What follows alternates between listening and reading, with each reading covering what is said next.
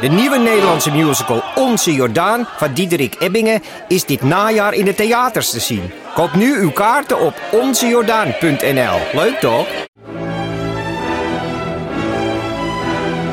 Dus jij koos voor deze podcast. Maar was het een bewuste keuze? Was het een moeilijke keuze?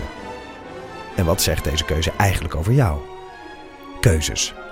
Daar hebben we het over tijdens de Row Now Inner Choices. Een kort en krachtig concert met Maler en Frank. Een avond waarop experts je meenemen in drijfveren, twijfels en de gelijkenissen tussen keuzes in muziek en het echte leven. Kom 19 april naar het Residentieorkest in Den Haag. Een kaartje heb je al vanaf 20 euro. Oké, Wat, wat heb jij voor een soort jaren 50 contraptie? dat heb je goed gezien. dit, is een, eh, dit is een oud model microfoon. Het is een, niet een heel oude microfoon, maar het is wel een oud model. En die staat hier in de studio. En daar doe ik Mhm. mijn voice-over dingen altijd mee in het kleine hokje daar. En Het is een soort legerding lijkt het uit. Een soort jaren Ja, 50 legerding. zo'n kleur heeft hij ook, hè? Ja. Ja. Maar en wat zijn al die ringen eromheen? Dat is eh, dat als we op tafel slaan, dat hij dan niet meteen ook alle dreunen. Ah. Het hangt in elastieken allemaal. Oh, zo. Ja. Ja. Maar die, die, die dreunen heeft de luisteraar nu niet gehoord. Nee, want hij hangt in elastieken. Hij hangt in. Maar dat kunnen wij wel doen. Misschien wel dat onze microfoons er wel oppikken. Ja, die- ja, dat wel, ja, ja. Als het goed is, zijn de microfoons die jullie hebben daar uit zichzelf iets beter tegen bestand. Oh. Dus eh, vandaar dat, dat jullie die hebben. En hier heb ik ook maar eentje van. Dus, ja. Ja. En Nee, de- baas in mijn huis baas. is hij niet zo geschikt, maar hier in de studio, waar het geluid minder ketst, is hij Mhm. wel... Nou, anyway. Oké. Als je hem wil horen frieken, dan moet je nu doorvragen. Ja, zou je we hebben al spijt as it is.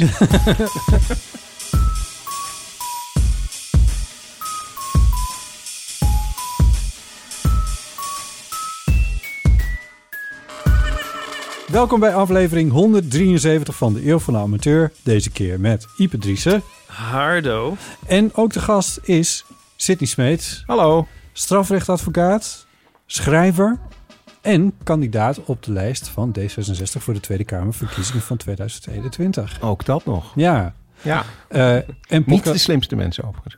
Nee. Oh ja, daar gingen we het over hebben. Nou, ja, zullen we dat meteen maar even tackelen dan? Nou, hebben we dat gehad? Ja. Oké, want het is eigenlijk een beetje lullig van mij.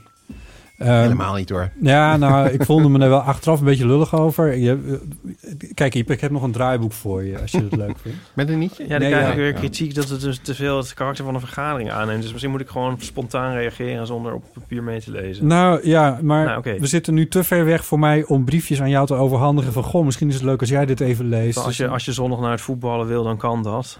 Wat? Toch? Henk Bleker.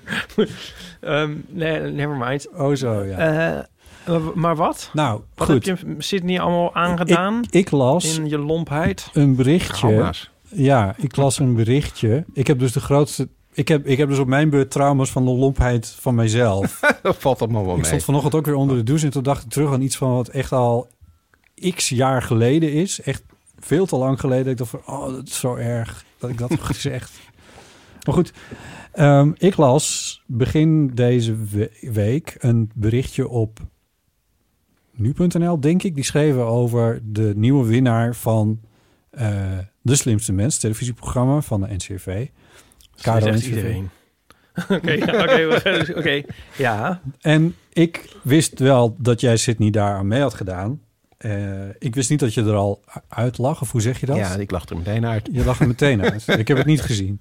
Maar de reden dat het berichtje me opviel was omdat erbij stond dat de zanger van de eh Snollebollekes Ja. van hun hit, bekend van hun hit, naar links, naar rechts, licht politiek, maar Ja. toch. Ehm, en ehm, dat, dat, dat dat de winnaar was geworden. En nou ben ik niet een enorme fan van de snollebolkers, maar ik wilde even weten hoe het zat. Dus ik las dat. En toen vervolgens, voordat ik het stuk uit had, had ik al gestuurd een, een sms'je naar jou gestuurd. Ha, ha, ha. Weet ik veel wat ik zei, maar iets lulligs. wat heb je dan gezegd? Nou wil ik het weten ook.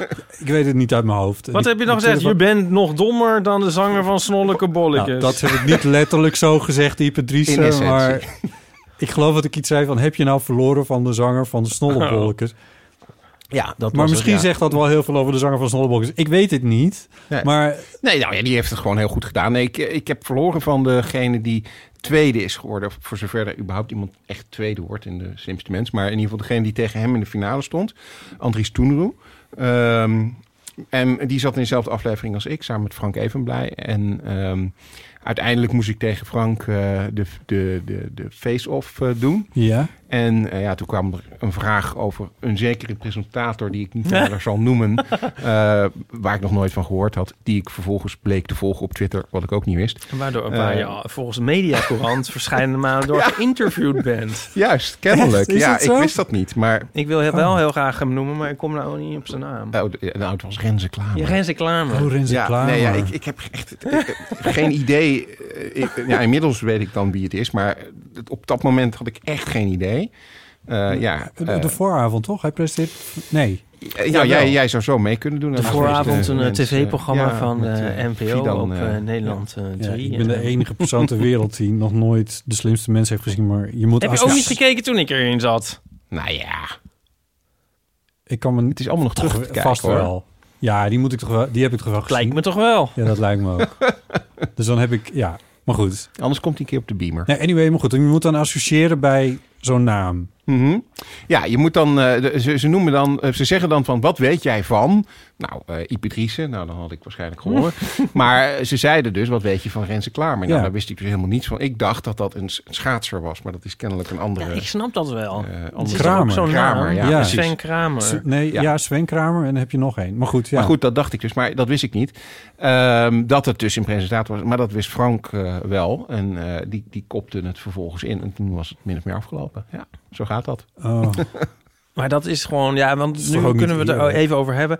Want jij zegt dat het is een beetje traumatisch. Dan zeg je half schertsend, maar het is natuurlijk echt traumatisch. Ja, En het is dus ook iets, Sydney, ja. Dat nooit meer overgaat. Nee, geloof ik wel. Ik heb nou zoveel slimste mensen gesproken, de kandidaten. Want ik heb natuurlijk mijn eigen trauma.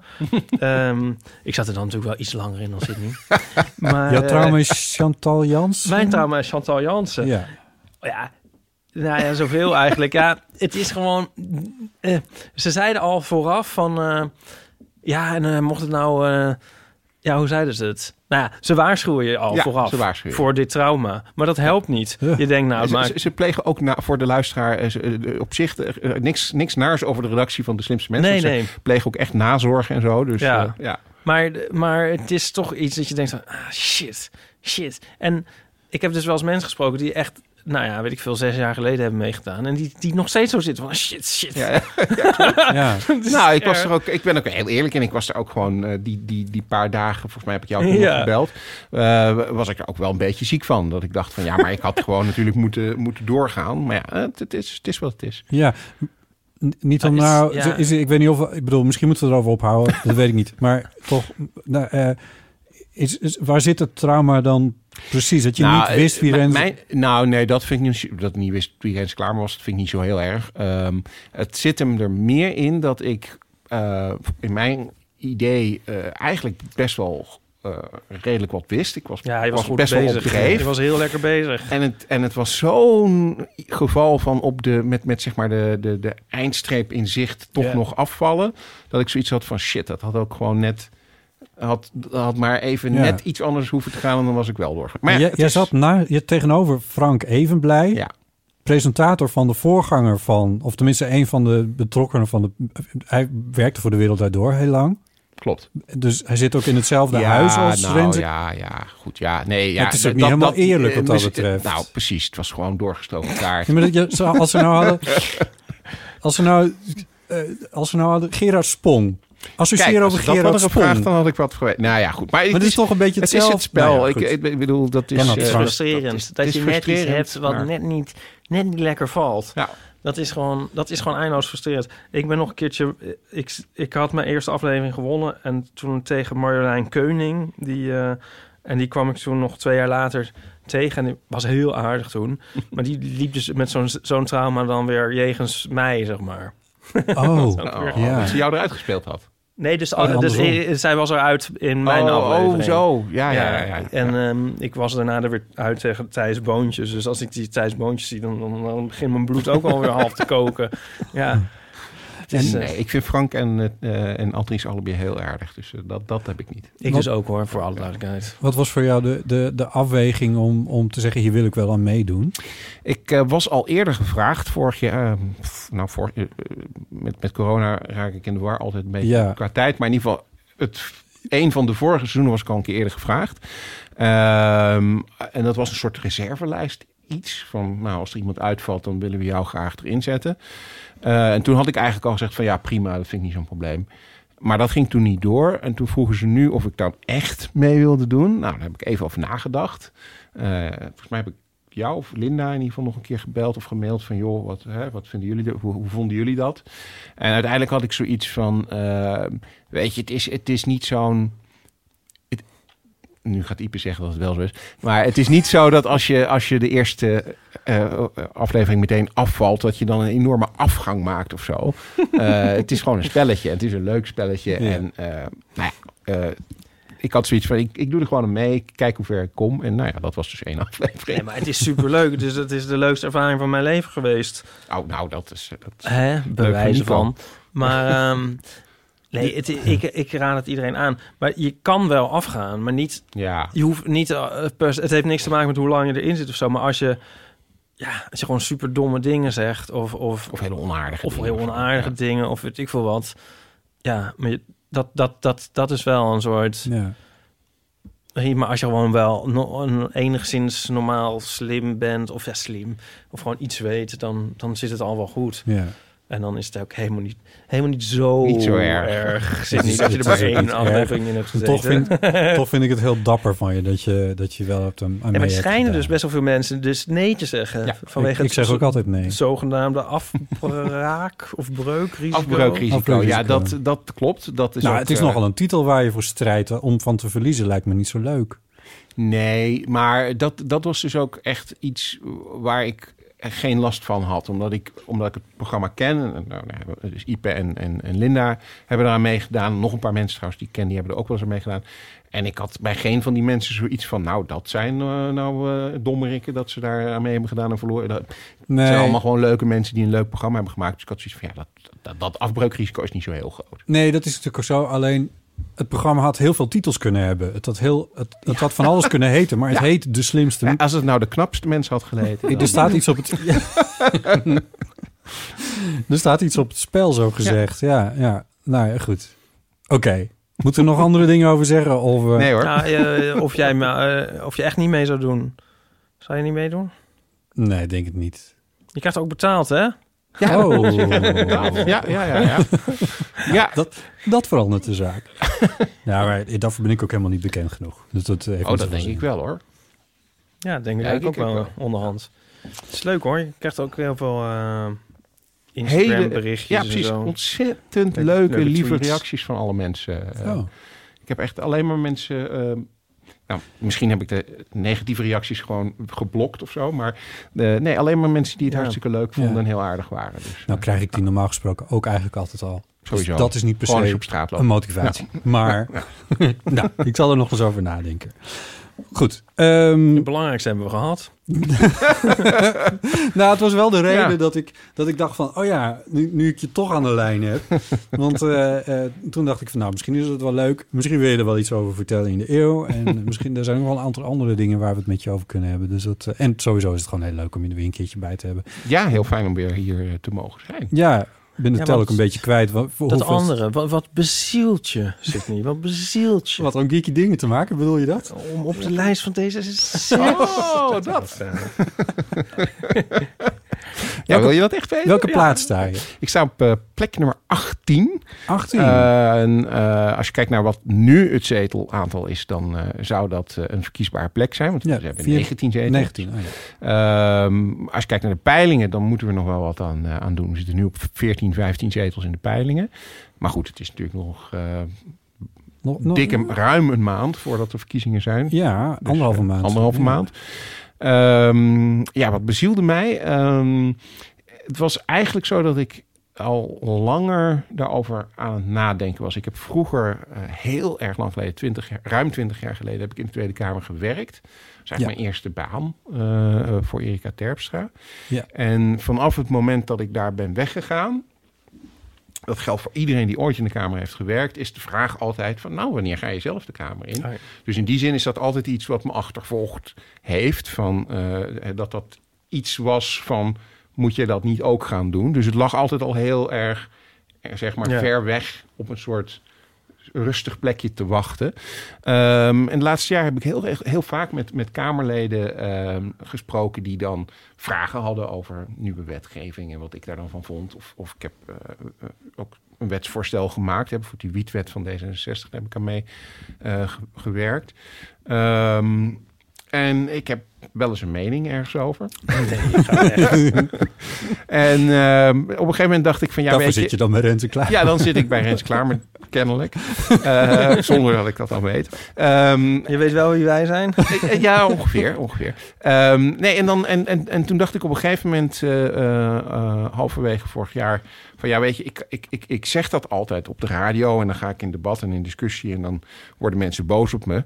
Ehm, Maar als ik dat dan op de radio vertel, dan kan ik dat misschien ook wel op een plek vertellen waar het misschien ook iets uitmaakt. Niet dat de radio niks uitmaakt, maar op een Nee, plek waar ik misschien ook daadwerkelijk iets kan doen. Ja. En toen ben ik gaan eh, overleggen. Ik ken, ik ken wat mensen bij D66 die ik al wat Ja. langer ken.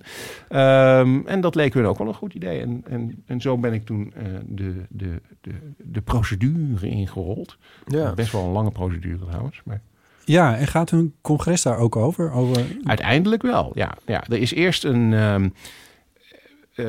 dit is, dit, dit is een, eigenlijk een hele lange sollicitatie. Dus je, je, je schrijft eerst een soort brief van... nou, ik zou dat wel willen. Nou, dan wordt een selectie gemaakt. Liever Rob. Ehm, of Sigrid. maar goed, er wordt een selectie gemaakt. Ehm, dan ga je echt een aantal dagen eh, met mensen praten, een, een, een, debat oefenen, een, een- nou, echt? allemaal dat soort dingen doen. Hè. Echt een soort assessment-achtige Oh, setting. En uiteindelijk komt daar dan een voorstel uit. En, en dan in dit geval eh, eh, Sigrid Kaag, die onze lijsttrekker is, Ja. die, die belde mij op op een zaterdagochtend toen ik nog in bed lag. Eh, van joh, eh, dit, eh, dit is onze eh, beslissing. Wij vinden dat je er op, plek 18 eh, op de lijst zou kunnen. Wil je dat? En ik had zelf al aangegeven, nou ongeveer in die orde van grootte zou ik dat wel willen. Dus dat kwam, kwam goed uit. En dan gaat het congres vervolgens daarover. Want Juist. dan moet je dus nog hopen dat de leden dat ook zo Ja. vinden. En, en, en dat vonden ze. Dus ik sta nog steeds op plek 18. Ja. Ja, dus als het was van plek 118, dan had je gezegd, nou... Dat, Had ik het niet gedaan. Nee, ja. dan, eh, dan kom je weer bij dat afbreukrisico. Ja. eh, waarvan ik ook gewoon heel eerlijk ben geweest. Van ja, weet je, als ik op een hele lage plek kom... dan vind ik het eigenlijk dat het, dat het meer schade toebrengt aan wat Ja. ik te zeggen heb... dan dat het iets toevoegt. Maar ehm, nu, nu balanceer je dan wel een beetje een gevaarlijk randje. Of Ja. is het... Ja. Ja, dat valt. Ja, dat ligt, dat ligt aan hoe je het bekijkt. Ehm, eh, als je kijkt, als je puur naar de peilingen kijkt, hè, van vandaag eh, of gisteren eh, met 15 eh, zetels, dan zou je het een gevaarlijk randje kunnen, kunnen noemen. Van de andere kant, als je gewoon kijkt naar wat we zouden kunnen, moeten kunnen bereiken, denk ik als D66 gewoon naar het potentieel wat erin zit, dan, dan is het helemaal niet zo'n gevaarlijk randje. Want dan denk ik dat we daar best wel boven kunnen komen qua zetels. Ehm, en daarbij komt nog hè, dat na de verkiezingen er een kabinet geformeerd moet worden. En afhankelijk van hoe dat gaat, eh, kan het zijn dat er ook weer mensen doorschuiven. En dan, Dus dat je gewoon in één keer minister van Justitie wordt. nou, dat zou ook nog kunnen, maar dat denk ik niet. Ehm, nee, maar meer dat wat, wat je ziet. hè, Nee, dus ik snap het, dat- eh, dat- ja. daarom moet zo'n Ja. lijst ook vaak wat groter Ja. zijn dan wat je verwacht Ja. dat het eh, gaat worden. Ja. Wat ontzettend gaaf. En dan, als het dan gebeurt en je komt in de Kamer terecht... dan zal je moeten stoppen met je eh, praktijk als strafrecht. In principe wel. Eh, er, er, zijn eh, niet nader te noemen advocaten die daar eh, mee door zijn gegaan. En vervolgens de Kamer uit zijn gegaan en weer advocaat zijn geworden. Maar, Meneer TH? Bijvoorbeeld, ja. ja. Dat, dus dat kan. Maar kijk, mijn in- instelling met, met alles wat ik doe, volgens mij, is dat ik daar dan ook gewoon echt voor wil gaan. Dus op het moment dat ik Kamerlid zou worden, ja. Ja. dan vind ik dat je daar eigenlijk gewoon fulltime Dat is dan toch ook veel toffer. Ja, dan ben je ja, dat. dan moet je Ja, gewoon je- daarvoor, daarvoor gaan. En dan moet je daarvoor inzetten. En dat is heel moeilijk of eigenlijk gewoon niet te combineren met Nee. een, een, een praktijk waar je ook 100% voor moet gaan. Dus dat zou ik nooit, eh, nooit willen doen. Eh, wat ik wel in mijn achterhoofd heb, is van... eh, hè, dat, dat er misschien ruimte is om één dag in de week of één dag in de maand... of noem maar iets, eh, eh, op een soort non-profit basis nog iets met die kennis die ik toch heb Ja. te kunnen doen. Ah, dus ja. als er iemand of een organisatie is die bepaalde vragen of hulp nodig heeft, dat ik dan zeg van joh, nou, dat, daar kan ik wel bij helpen. Of, of als Botten weer eens te maken heeft met de lange arm der wet. Bijvoorbeeld, bijvoorbeeld dat. Ja, ja. Ja. en moet je dan ook... ehm, eh, hoe zie je dat, zeg maar, qua... Moet je ook een soort politiek worden buiten de politiek? Kun je gewoon doorgaan met dingen? Kun je, zeg maar, hier aanschuiven? Kun je gewoon verder met geeky dingen? In principe wel, Mag ja. Linda dan er nog naast zitten en zeggen van... eh, ik download alles? Eh, ja, Nou. ja, jawel. Ik zie dat probleem Nou, niet zo. als jij Kijk, ja, verkozen downloaden, ik, wat ik er altijd over zeg is dat ik dat niet doe. En dat ik dus ook mensen aanraad om dat niet te doen. Maar moet je Maar dat dan, goed, moet je dat dan elke keer gaan zeggen? eh, bedoel nee, ik eigenlijk. Nee, nee. Ik bedoel, wel dat, daar ben je wel relaxed in. Je Daar ben ik van, vrij. oh, Ja, kijk, eh, wat ik, ik al, eh, iemand anders vroeg me ook al zoiets. Ik weet niet meer wat die vraag precies was, maar dat kwam er ook op neer van ja, maar hè, eigenlijk kwam het er een beetje op neer van wat halen ze met jou in huis? Hè, want eh, wat je. Oh nee, dat, dat bedoel ik niet. Nee, oké, gelukkig ik bedoel maar. meer, wat doe je Eh, jezelf aan? Ja, ook dat, ook dat. Nee, maar ik heb zoiets van, kijk, ze weten wie ik ben. Ze weten wat Ja. ik doe. Eh, eh, desalniettemin ben ik op die lijst gekomen. Dus in die zin ga ik ervan uit dat ik me niet opeens een heel ander mens Nee. hoef te gaan eh, voelen dan. Nee, maar er Nee. komt dan ook nog bij, je wordt, als je wordt verkozen, dan word je ook gewoon volksvertegenwoordiger. Ja. En En In- die, in het principe volk, hoef het volk jij aan- download. Nou, hoef ja. je... nee, dat zeg ik niet. Maar in principe hoef jij aan niemand verantwoording af te leggen als Nee, je eenmaal een zonder lastige gesprekken. Precies, ja. Dus wat Maar het dat kan betreft- wel dat je nog meer onder een vergrootglas ligt dan Maar dat nu is, dat is, het wel, geval is. dat Ja. is wel waar. Ehm, dat, dat is wel een ding waar ik ehm, me van bewust ben en, en waar ik een beetje rekening mee probeer te houden. Ja, wat ga je Ehm, bijvoorbeeld doen als Farmers Defence Force afgevaardigd en ineens met een pakketje met e- etenswaren voor je deur komen om dat af te leveren? Ja, daar, daar vind ik wat van. Daar vind je wat Daar van. zal ik waarschijnlijk ook wel wat van blijven vinden. Alleen, het is natuurlijk wel zo dat je, als je een bepaalde functie hebt, dat je dan ehm, ja, bij sommige dingen iets meer moet, moet, moet nadenken over hoe je jezelf presenteert of hoe je reageert. Ja. Eh, maar goed, dat vind ik, vind ik ook weer niet zo erg, want dat, dat geldt op zich voor een advocaat ook. Dat geldt van elkaar. Ja, en je bent een hele nette meneer, kan ik vertellen, uit de enkele jaren dat ik je inmiddels ken. Dus dat, dat, daar hoeven we wat dat betreft ons ook niet zoveel zorgen over te maken, volgens En, mij. en de partijdiscipline, is die streng bij D66? Ehm, nou, een van de dingen die ik eh, in, in die gesprekken die je dan voert Ja. eh, naar voren heb gebracht. En een van de dingen waar eigenlijk D66 ook wel eh, eerder zich ook over heeft uitgesproken en ook nu zich over heeft uitgesproken, is dat ik heel belangrijk vind dat je als Kamerlid zelf moet beslissen wat je doet. En natuurlijk, op het moment dat je in een, een coalitie met mensen zit, ja, dan is het wel heel onhandig als iedereen iedere keer allerlei eh, verschillende standpunten gaat innemen. En dat snap ik ook wel. Maar hè, wat we dan dualisme noemen, dus het idee dat de fractie gewoon echt een andere mening Ja. kan hebben dan het kabinet, dat is voor mij het uitgangspunt. En, en gelukkig is dat in principe ook het uitgangspunt van, van D66. Sterker nog, we hebben dat ook eh, verwoord in het verkiezingsprogramma. We hebben ook gezegd van nou, we willen eigenlijk liever bij een volgende coalitie dat het regeerakkoord op hoofdlijnen wordt samengesteld en niet meer echt alle details vast- vastgelegd worden. Zodat je dus gewoon als Kamerlid ook echt meer ruimte krijgt om iets te vinden van dingen die ja, gebeuren waar je het toch niet helemaal mee eens bent. Dus, dus je mag gewoon tegen de avondklok stemmen bijvoorbeeld? Nou, dat, dat heeft D66 in principe natuurlijk ook gedaan. Behalve dan dat uiteindelijk het nu... toch eh, voorgestemd hebben. Ja, maar goed, daar, daar- eh, ja, klopt. Maar wel met een heleboel eh, dingen die daarvoor in de, in, in, in, in, de- ruil zijn Oh. gekomen, zeg maar. Gaan we nou echt over Huh? die 30 minuten praten? Nee, nee, laten we dat niet, laten we het niet over die rechten hebben. Nee. Nee, Maar goed, wat me eh, dus opvalt, ja. is dat je, dat je al eh, dat je we zegt. Over D66. Ja, ja, nou ja, zo, ik sta nu ook op de lijst. Nee, dus, natuurlijk. ja. Maar ben je ook al bezig met...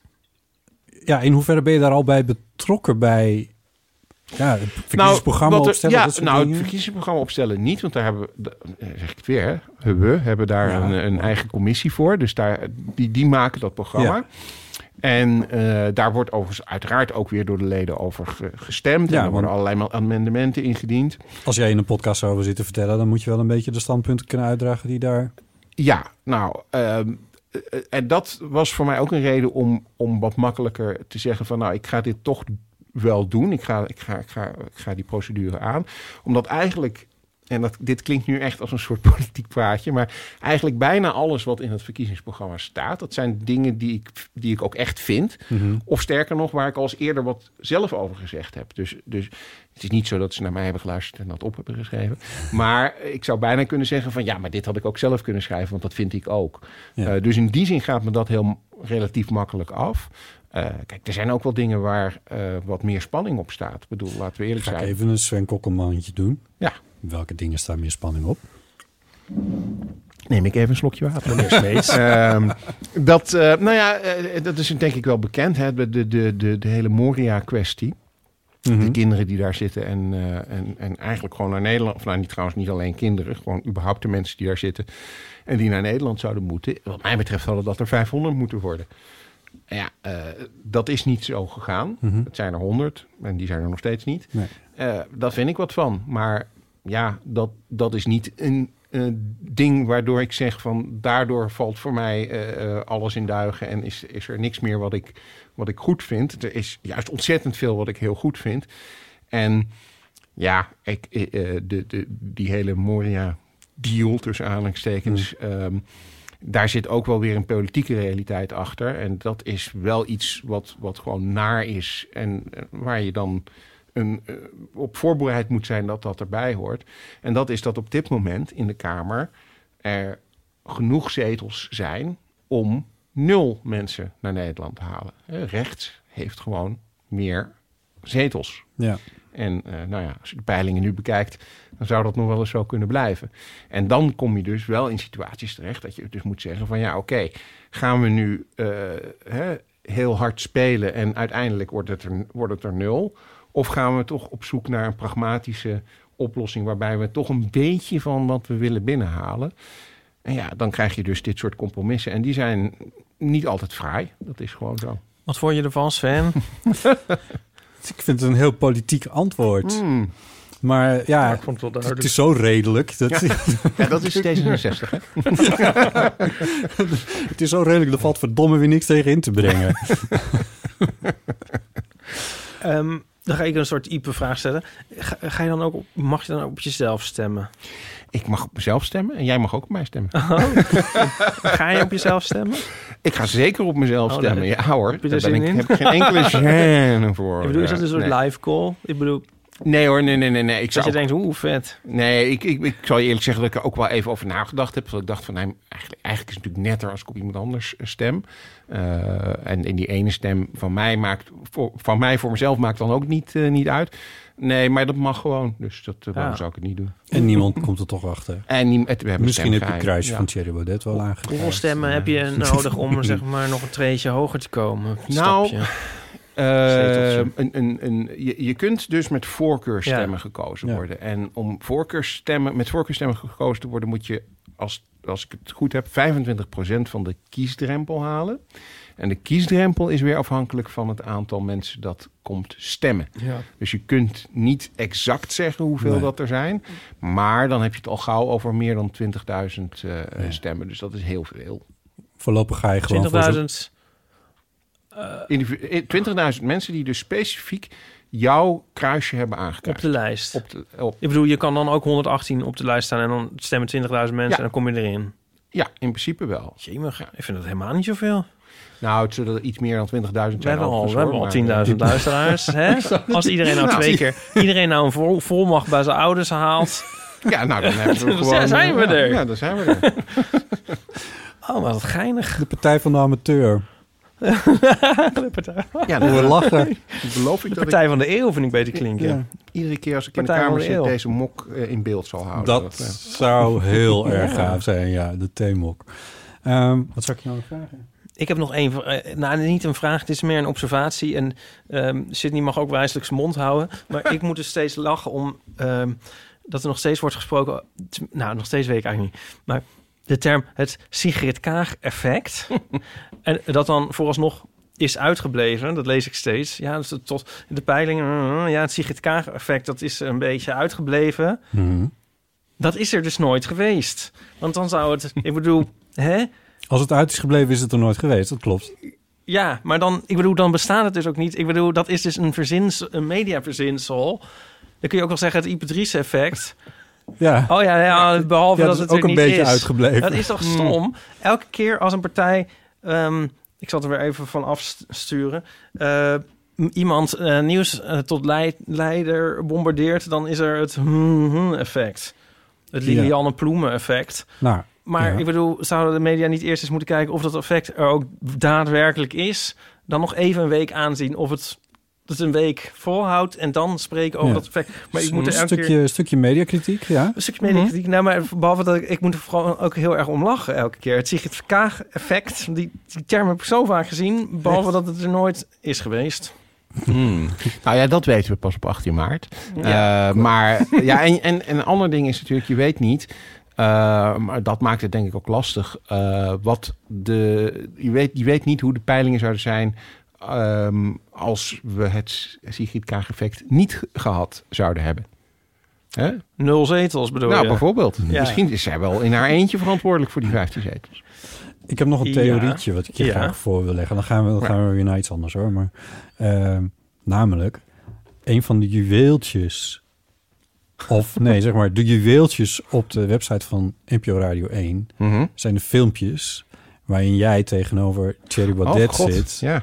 bij bijvoorbeeld Dit is de Dag. ja. Daar zijn er inmiddels volgens mij... Hoe vaak heb je tegenover die man gezeten? In, eh, in- Ehm, ik heb twee keer tegenover hem gezeten. Dus oh, oké. Oh ja, nou voor mij, ik heb het, ik heb het zo vaak gekeken dat ik het niet. Maar dat zijn, dat is prachtig. En toen dacht ik, Ik dacht dat het over de kroonjuwelen van de D66 ging. Maar dat durf ik niet eens over te beginnen. Ja. daar durf ik niet eens over te beginnen. Maar ehm, eh, ik dacht dus op een gegeven moment, toen ik hoorde dat je eh daarover overwoog om op de lijst te gaan, van misschien heeft het je altijd wel een beetje gestoord dat je binnen de muren van de studio in een arenaatje met hem was en dat hij daar dan vervolgens uitstapt en dat hij dan vervolgens Thierry Baudet achter zijn achter het spreekgestoelte met camouflage of wat heeft hij er allemaal de afgelopen jaren wel niet naartoe gesleept een, een andere arena heeft waar jij nu geen toegang toe hebt. Ja, Terwijl je dat volgens mij wel heel graag zou willen. dat zou ik zeker eh, willen, anders was ik niet op de lijst gaan staan. Eh, maar inderdaad, zeker zo iemand als, als, eh, als, die, als, als Baudet en zijn, ehm, nou ja, ik gebruik volgens sommigen het vaak eh, het woord onzin te vaak. Maar goed, de onzin die hij eh, verkondigt. Eh, ik vind het wel heel belangrijk dat daar een tegenwoord en een tegengewicht voor is. En ook in de Kamer. Ehm, dus dat, dat, dat, dat, dat zou ik niet, niet onprettig vinden om, een- om de kans te krijgen om dat ook daar te laten horen. Maar was het Want, een van je motivaties om... nou, nou niet, niet, niet per se Baudet op zich. Want ik denk dat dat... Dat als, als dat je motivatie zou, zou zijn, dan ben je, ben je vrij snel klaar. Want voor hetzelfde geld is die eh, volgende week weer geen eh eh, is partijvoorzitter meer. Ja, Ehm, maar het, het fenomeen van dit soort mensen, hè, dus mensen die eh, feitenvrij ehm, onzin vertellen, ook over onderwerpen waar ik wel wat van af weet. ja, de hashtag Eh, fact-free cherry is wel eentje die vaak op jouw tijdlijn verschijnt. Die, die, die, die heb ik zelfs bedacht. oh, Eh, maar ja, dat, dat is wel een, een, een, iets waarvan ik denk van ja, het is wel goed als er gewoon ook weer wat, eh, ja, niet per se alleen redelijkheid, maar ook reden terugkomt eh, in de Kamer. Waarbij gewoon mensen die wel verstand van zaken hebben ook gewoon zeggen hoe het zit. ja. En eh, het is nu toch echt wel te makkelijk af en toe eh, hoe mensen wegkomen met, met de grootst mogelijke, ja, toch weer dat woord onzin. Ehm, Bullshit. bullshit. Ja, eh, waar, waar weinig weerwoord op komt. Ja. Ja. Vandaag was ook weer een voorbeeldje van met eh, Daniel Verlaan, die, eh, Hmm. eh, een, een, eh, die is techjournalist bij RTL uit mijn hoofd. Ja. En die had geschreven. ontdekt dat, dat de GGD gegevens lekte uit het corona-database. en Hugo de Jonge stond dus op het pre- spreekgestoelte, ik denk vanochtend of gisteravond. En die, eh, behandelde dat nogal vrij, hoe dat daar ging. En die kreeg er ook niet echt lekker weerwoord op uit de Kamer.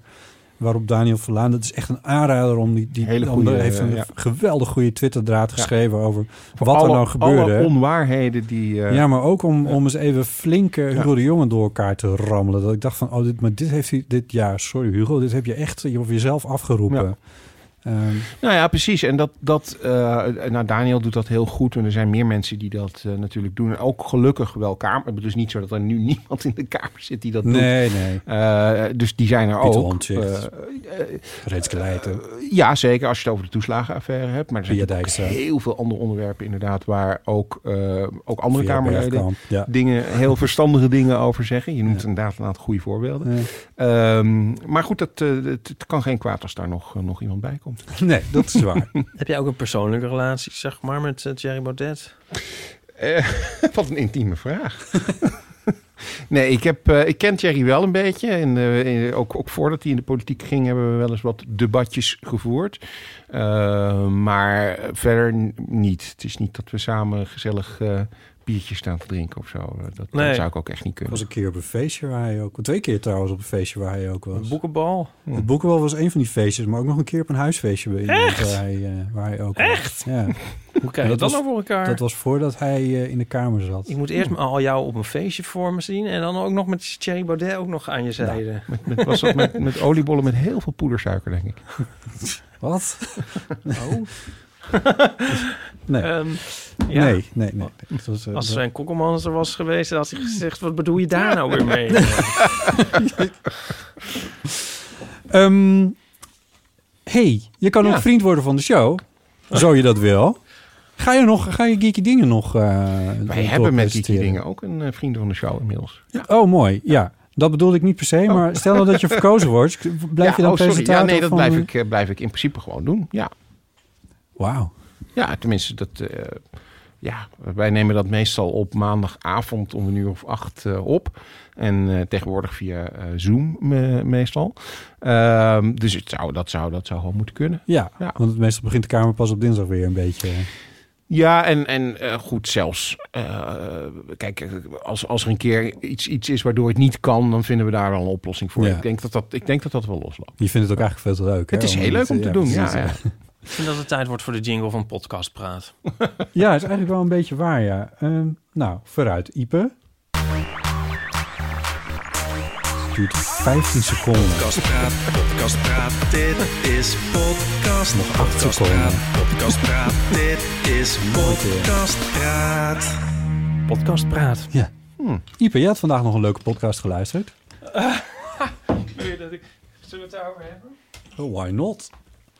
Ja, waarom niet? Zeg er maar even Nou, kort iets over. Want dan, dan ga ik weer verder Iets met... kort. Ja, Eh, anders ik duurt heb het allemaal de veel te lang. podcast Boeken FM geluisterd. Een samenwerking van Das Mag en eh, De Groene Amsterdammer. Ja. De Groene, zeggen we natuurlijk De Groene, binnen ja. de ring. Binnen de ring. Nu ik ook tot de witte wijn eh, sippende grachtgordel even te Of rode horen. wijn. En, eh, en ehm, ik heb de meest recente aflevering over de verborgen geschiedenis van Donna Tart geluisterd. Een actueel boek. En eh, onze eigen Joost de Vries is een drijvende kracht achter de- deze podcast. En ehm, Bob Kappen. die- ja, die, nou, die was niet te horen. Die eh, doet Oh. iets technisch, geloof ik. Dat is volgens mij een soort... Nou, Oké, dat maakt niet uit. en ehm, eh, ja, nee, ja. Oh, die twee wat- dames. En die- twee dames, ja. Merel en Ellen, geloof ik. Maar ik, ik heb hun namen niet... ehm, Merel en Ellen. gehoord. Dat mag binnen podcastland. Vo- ja, we zijn nog op voornaambasis. Ik te weten. Ja. Ja, jij wil dat ik iets, te- iets lelijks erover zeg. Nee hoor. nee, maar je was vandaag zo opgewonden Nou, aan het appen erover. Oké. ehm, kijk, dat boek is, is een super tof boek natuurlijk, Mhm. Secret History. En ze zeggen daar ook heel interessante dingen over. Ehm, en die podcast die keuvelt lekker weg. Ah, maar af en toe is hij eh, echt wel echt hilarisch pretentieus. ja. Oké. eh, Zoals? Ja, zoals. Ik had één citaatje had ik opgestuurd naar jou. Ja, Ja, dat ging dan niet meer over de Secret History. Ehm, dan zeiden ze van... ehm, dat ging over boeken lezen op reis. boeken lezen op reis. Oh ja, wacht even. Ook uit de vorige wereld. Ja. Ik heb de biografie van Elizabeth II gelezen toen ik naar Mongolië vloog. Dan kom je echt heel raar aan. ja, en, en vlak daarna zei ze van mijn eerste cavia's heten misdaad en straf. Oh god. Ja, eh, aanrader dus. Hoe heette jouw eerste cavia's? Ik heb, eh, oh ja, ik heb wel een cavia gehad. Nou, volgens mij heette die Timmy of zo. Oh. Ja, geen- maar dat was heel, heel dramatisch. Want die cavia, die, was, die bleek... Dit, dit is echt een horrorverhaal. Dus mensen, skip vooral dit stukje als je daar niet tegen kan. Het val- de de misdaad Eh, in straf. Eh, Met nee. andere woorden, spits je oren. Eh, die, die cavia. want Mijn, mijn, nou, mijn ouders die wilden eigenlijk niet dat ik een, een huisdier zou nemen. We hadden vroeger wel een kat en een hond, maar niet nog een ander huisdier. Mhm. Ehm, dus ik was bij mijn oma en daar mocht ik dan een cavia. En eh, die zijn we dus gaan kopen in de dierenwinkel. En toen die cavia thuis kwam, toen kwamen er opeens hele kleine cavia's uit. Oh, dan had je er meer. En toen hadden er meer. Maar wat die cavia vervolgens deed, is al die baby's opeten. Oh, god. Oh, ja. Want dat doen cavia's, Ja. kennelijk. ja. Dus daar heb ik nog wel een klein traumaatje. Oh, het is wel het, je, je stort me wel weer in, weer in een trauma. ja, nog een trauma. Nou, ga kijken wat ik verder nog kan doen. Ja. Als ik de Sven Kokkelman in mezelf weer aanboor. Ik, eh, ik ben eventjes redacteur van Media Courant. Zit hier een nieuwsje in? Zit hier een nieuwsberichtje op de site in? De cavia's van... Meest getraumatiseerd door, Door- een cannibalistische cavia. ja, ja ik, ik zie hem zo ik staan. denk dat we een persbericht uit moeten eh, sturen. ja, Media. Courant Ja. tiplijn. Tweede, Tweede Kamerkandidaat, cavia's gecannibaliseerd, zoiets. Ja, daar komen we wel uit. Ja. Anyway. Heb jij wel eens huisdieren gehad? Ehm, nee, geen huisdieren. Nee, geen huisdieren. Maar, Maar- komt natuurlijk van een boerderij, dus er zijn heel veel dieren. Ja, Maar dat zijn ook huis, formeel zijn dat ook huisdieren. Is dat zo? Een paard, Ja. een paard is een, formeel volgens mij een huisdier. Oh, nou, oké. nou ja, ik Maar goed, heb dat- als eh, boerderijdieren Moet jij, beschouwd. eh, jij zit toch in de Partij van de Dieren? Jazeker. Dus dan, dan weet jij dat toch? Of, of een formeel een huis, huisdier is? een paard een huisdier. Ja. Nou, een huisdier lijkt me meer iets dat je in huis In hebt. huis, ja, misschien wel. Ja. Nou, Zeggen wij van de partij. van de Van dieren. Van de, de Partij van de Huisdieren. Is eh, Barbara Stonk, de striptekenaar eh, van onder andere de biografie van de stripbiografie van Vincent Gogh, die staat eh, als lijst eh, een der lijstduurs op de lijst van de Partij voor de Dieren. Dat vind ik wel heel leuk. Dus echt een stripmaker op de, de de Tweede. Kamer. Jij krijgt het straks moeilijk op 17 maart in dat hokje. Of Ja, maar ik zit ook denken van, als dus hoeven eigenlijk maar 20.000 mensen, zat ik eigenlijk net te denken, op Barbara Stok te stemmen. Ja, en dan hebben we opeens Barbara Stok in de Tweede Kamer. Dat wil lachen. Ja. Ja. Krijg ik het moeilijk? Nee, ik... eh, weet- nou, ja. Hm. Nee, ik zeg niks. Ik ga even wat, eh, wat, wat dingen van het draaiboek afhandelen. En dan kom ik weer bij jou, Oh, dat klinkt Sydney. weer heel inspirerend. Ik ga even wat dingen van het draaiboek... Oké, Sydney, kan- zullen wij dan eventjes... Kan ik eh, dit... eh, nee, ik heb jullie Ja. nodig. Ik heb Oh. jullie nodig. Maar dan, dan kan ik dit weer aan de kant leggen. En dan kunnen we weer verder gaan met waar we mee bezig waren. Eh, nieuwe vrienden van de show. Zijn... Type, wil je meedoen? Ja hoor. Eh, Claudia, Jan en Tini. Gijs Wilbrink Mariette. en Hanna. En Hanne, dat is een uh, palindroom. Dat is een palindroom. Ja. En dat vind ik heel leuk. Ja. Net als Reinier, mijn lievelingsnaam. Oh, ja. Sorry, Ja. daar moest ik even over Ik nadenken. heb Ja. nog een, een zoon die Reinier Driessen heet, maar ja. Jij hebt een zoon? Nee, ik wil nog een zoon. Oh. En die kan ik dan Reinier Driessen, dat vind ik zo'n mooie naam. Ja, Ja, Dat klinkt toch goed? ja, Reinier Driessen. En dat woordbeeld zo. ja. Maar ja. Alleen om die reden al. Geef mij een zoon. Zo werkt het niet. Ehm, dank voor het worden van vriend van de show. Mocht je ook vriend van de show willen worden, ga dan naar vriendvandeshow.nl slash eeuw. Ehm, wil je meer weten over wat er in de podcast is besproken, dan kun je kijken op de show notes wiki. Die staat op onze website eeuwvanamateur.nl. En dan kun je als luisteraar ook een bijdrage aan leveren. Hoewel die wel bijzonder goed wordt bijgehouden in de afgelopen periode. Maar mocht je nou nog iets in willen toevoegen, dan kun je dat daar ook nog doen. Goed, dan gaan we naar onze rubriek. Want er was iets wat we vorige keer niet helemaal verstonden, Ipe. Er was een, eh, een berichtje en daar heb ik verschillende reacties op Zeg maar gekregen. helemaal niet. Eh, dat ging over een... eh, dat was een reactie op een aflevering 82 of 87 of zo... met Wart Wijnels, waarin iets werd gezegd wat toen niet meer bestond... maar dat bestaat dan toch eindelijk wel. Nou, Daniel, Daniel Oh, Daniel. die, heeft, eh, die heeft iets ingesproken daarover. Onder, Ah. en hij was een van de mensen die daarop reageerde. Ze zegt dat de blindenbibliotheek nog wel bestaat. eh, en dat die die een nieuwe naam, heeft. Die naam kan ik niet verstaan. Ehm, en eh, dat je er ook nog tijdschriften kan beluisteren. Dat zegt ze. Dat zegt ze. En, maar er waren meer mensen die het wel hadden verstaan. Want het was Zwaantje reageerde over het deel dat jullie niet verstonden van Zwaantje. een inzender. Ze vertelt dat de blindenbibliotheek nog wel bestaat, maar dat deze, nu di- eh, deze dienst nu te vinden is bij passend lezen. Eh, het geluid is zo goed dat ik het wel kon verstaan, zegt zij. En dan was er nog iemand die schreef... eh, mijn vriend mompelt altijd, dus ik had geen probleem met het verstaan van het bericht over aflevering 83. 83 was. Ervaringsdeskundige. Ja, wellicht zijn jullie ook al achter, maar dat gaat dus over de blinde biep, die nog wel bestaat als passend lezen. En dan kun je ook tijdschriften beluisteren. Nou, dus dat is in ieder geval eh, een aanvulling en correctie op de vorige aflevering. Ik heb vandaag nog hè gezegd tegen Nico op een zin die ik eigenlijk gewoon helemaal verstaan had. Maar die je niet geloofde. Nou, en toen ging hij het herhalen en toen dacht ik ondertussen van ja, dat verstond ik ook eigenlijk wel. Zo'n irritante eigenschap. Mijn ouders doen dat ook bij elkaar de hele tijd. Hè? Maar dit terzijde. Oké. Ehm, eh, Wat is dan de mok- en geluid-update? ja, ik dacht ik sla het over. Maar er waren, ik had Oh. het verteld. Je had en een dat zingende mok. Ja, die had ik ook Oh. laten horen. Hè? Ja. En mensen Ja. zeiden, ja, nee, dat krijg je als je hem neerzet en er zit wat water onder en dan gaat hij piep. Dat, ja, dat fenomeen ken ik, maar Misschien dat moet was... je de katholieke kerk in zijn. Want misschien betekent het iets. Exorcisme. Dit was het niet. Als ik hem optilde, bleef die piepen. Oh, dat nee. geluid had ik opgenomen terwijl ik mijn telefoon Ja. omhoog hield en de mok. Ja. Dus er zit iets in die mok en hij doet het nog steeds trouwens. Dus Kan je die niet eens meenemen dat wij dat ook kunnen horen? In plaats van... eh, nou, nu je, nu je laat blijken dat dit je zo ontzettend interesseert, kan ik daar eens over nadenken. Dus dat is misschien wel leuk. Goed. Ja, maar misschien, ja. Ah, Ik stel me echt zo voor dat als je, als je in ehm, ehm, een Zuid-Europees land woonde... en je had die mok, dat er dan allemaal dat er dan pelgrims kwamen om, Ja, om te luisteren. ja, misschien moet ik er Maar- een Maria, Mariaatje op tekenen. Luister nou. Goed. Ehm, terug naar jou, Sydney. Want we hadden ook even rondgebazuind van... zou je het leuk vinden om vragen aan eh, Sydney te stellen? En daar is wel wat op Oh, ja. gereageerd. Ehm, er was een anoniem bericht van iemand en die schreef... er is een wet tegen opruiing. Klopt. Valt hetgeen gasten als Engel, Baudet of Wilders doen onder die wet? Ehm, nou, dat is een... Is dat ehm, strafrecht? Ja, dat is zeker strafrecht. Opruiming is strafbaar. Ehm, ja, ik heb onlangs een eh, journalist van NRC bijgestaan... die, die eh, een, een, een demonstratie tegen Zwarte Piet eigenlijk had gefilmd. Ja. eh, en live op Facebook had gezet, eh Clarice.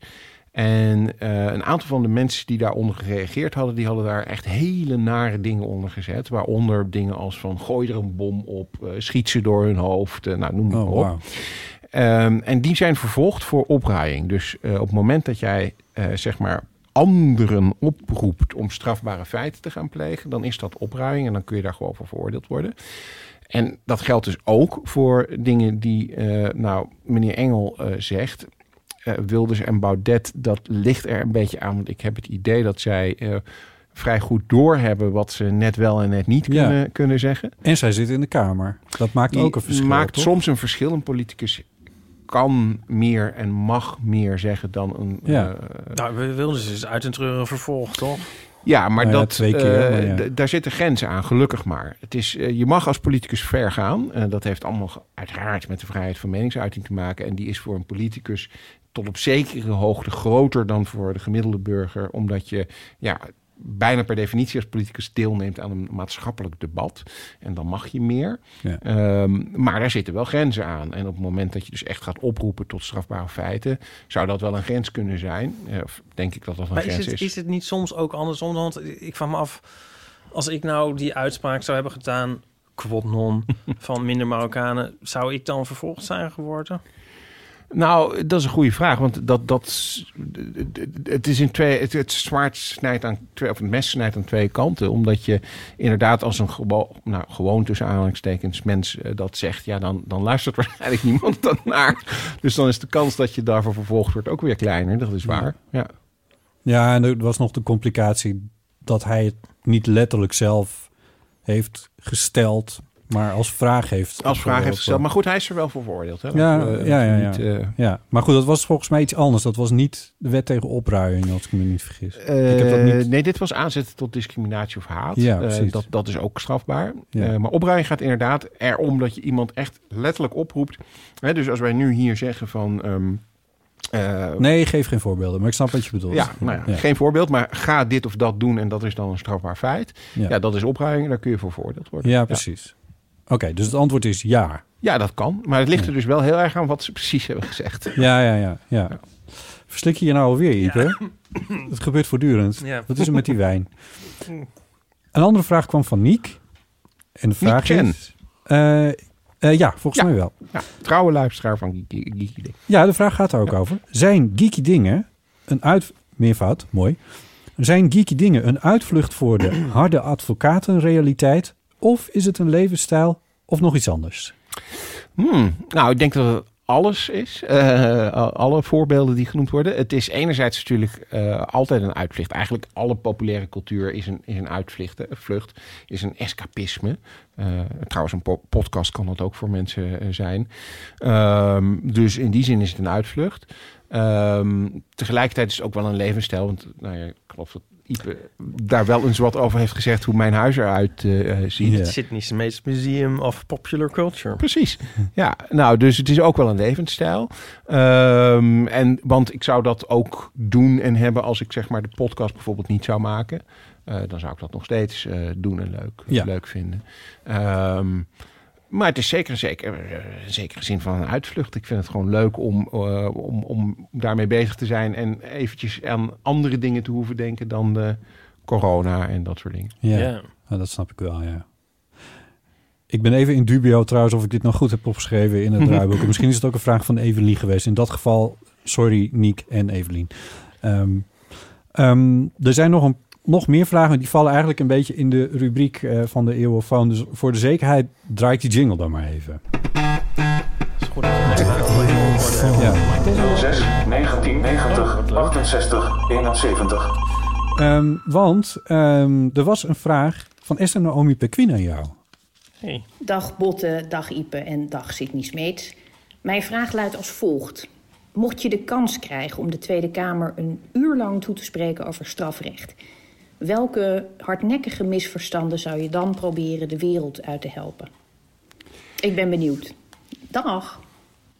Dankjewel Een Esther. leuke vraag. Dat Ja, is een een goede vraag. vraag. Nou, eh, ik denk dat ik het vooral zou hebben over de, het misverstand dat je door een eh, nieuwe wet te maken een probleem oplost.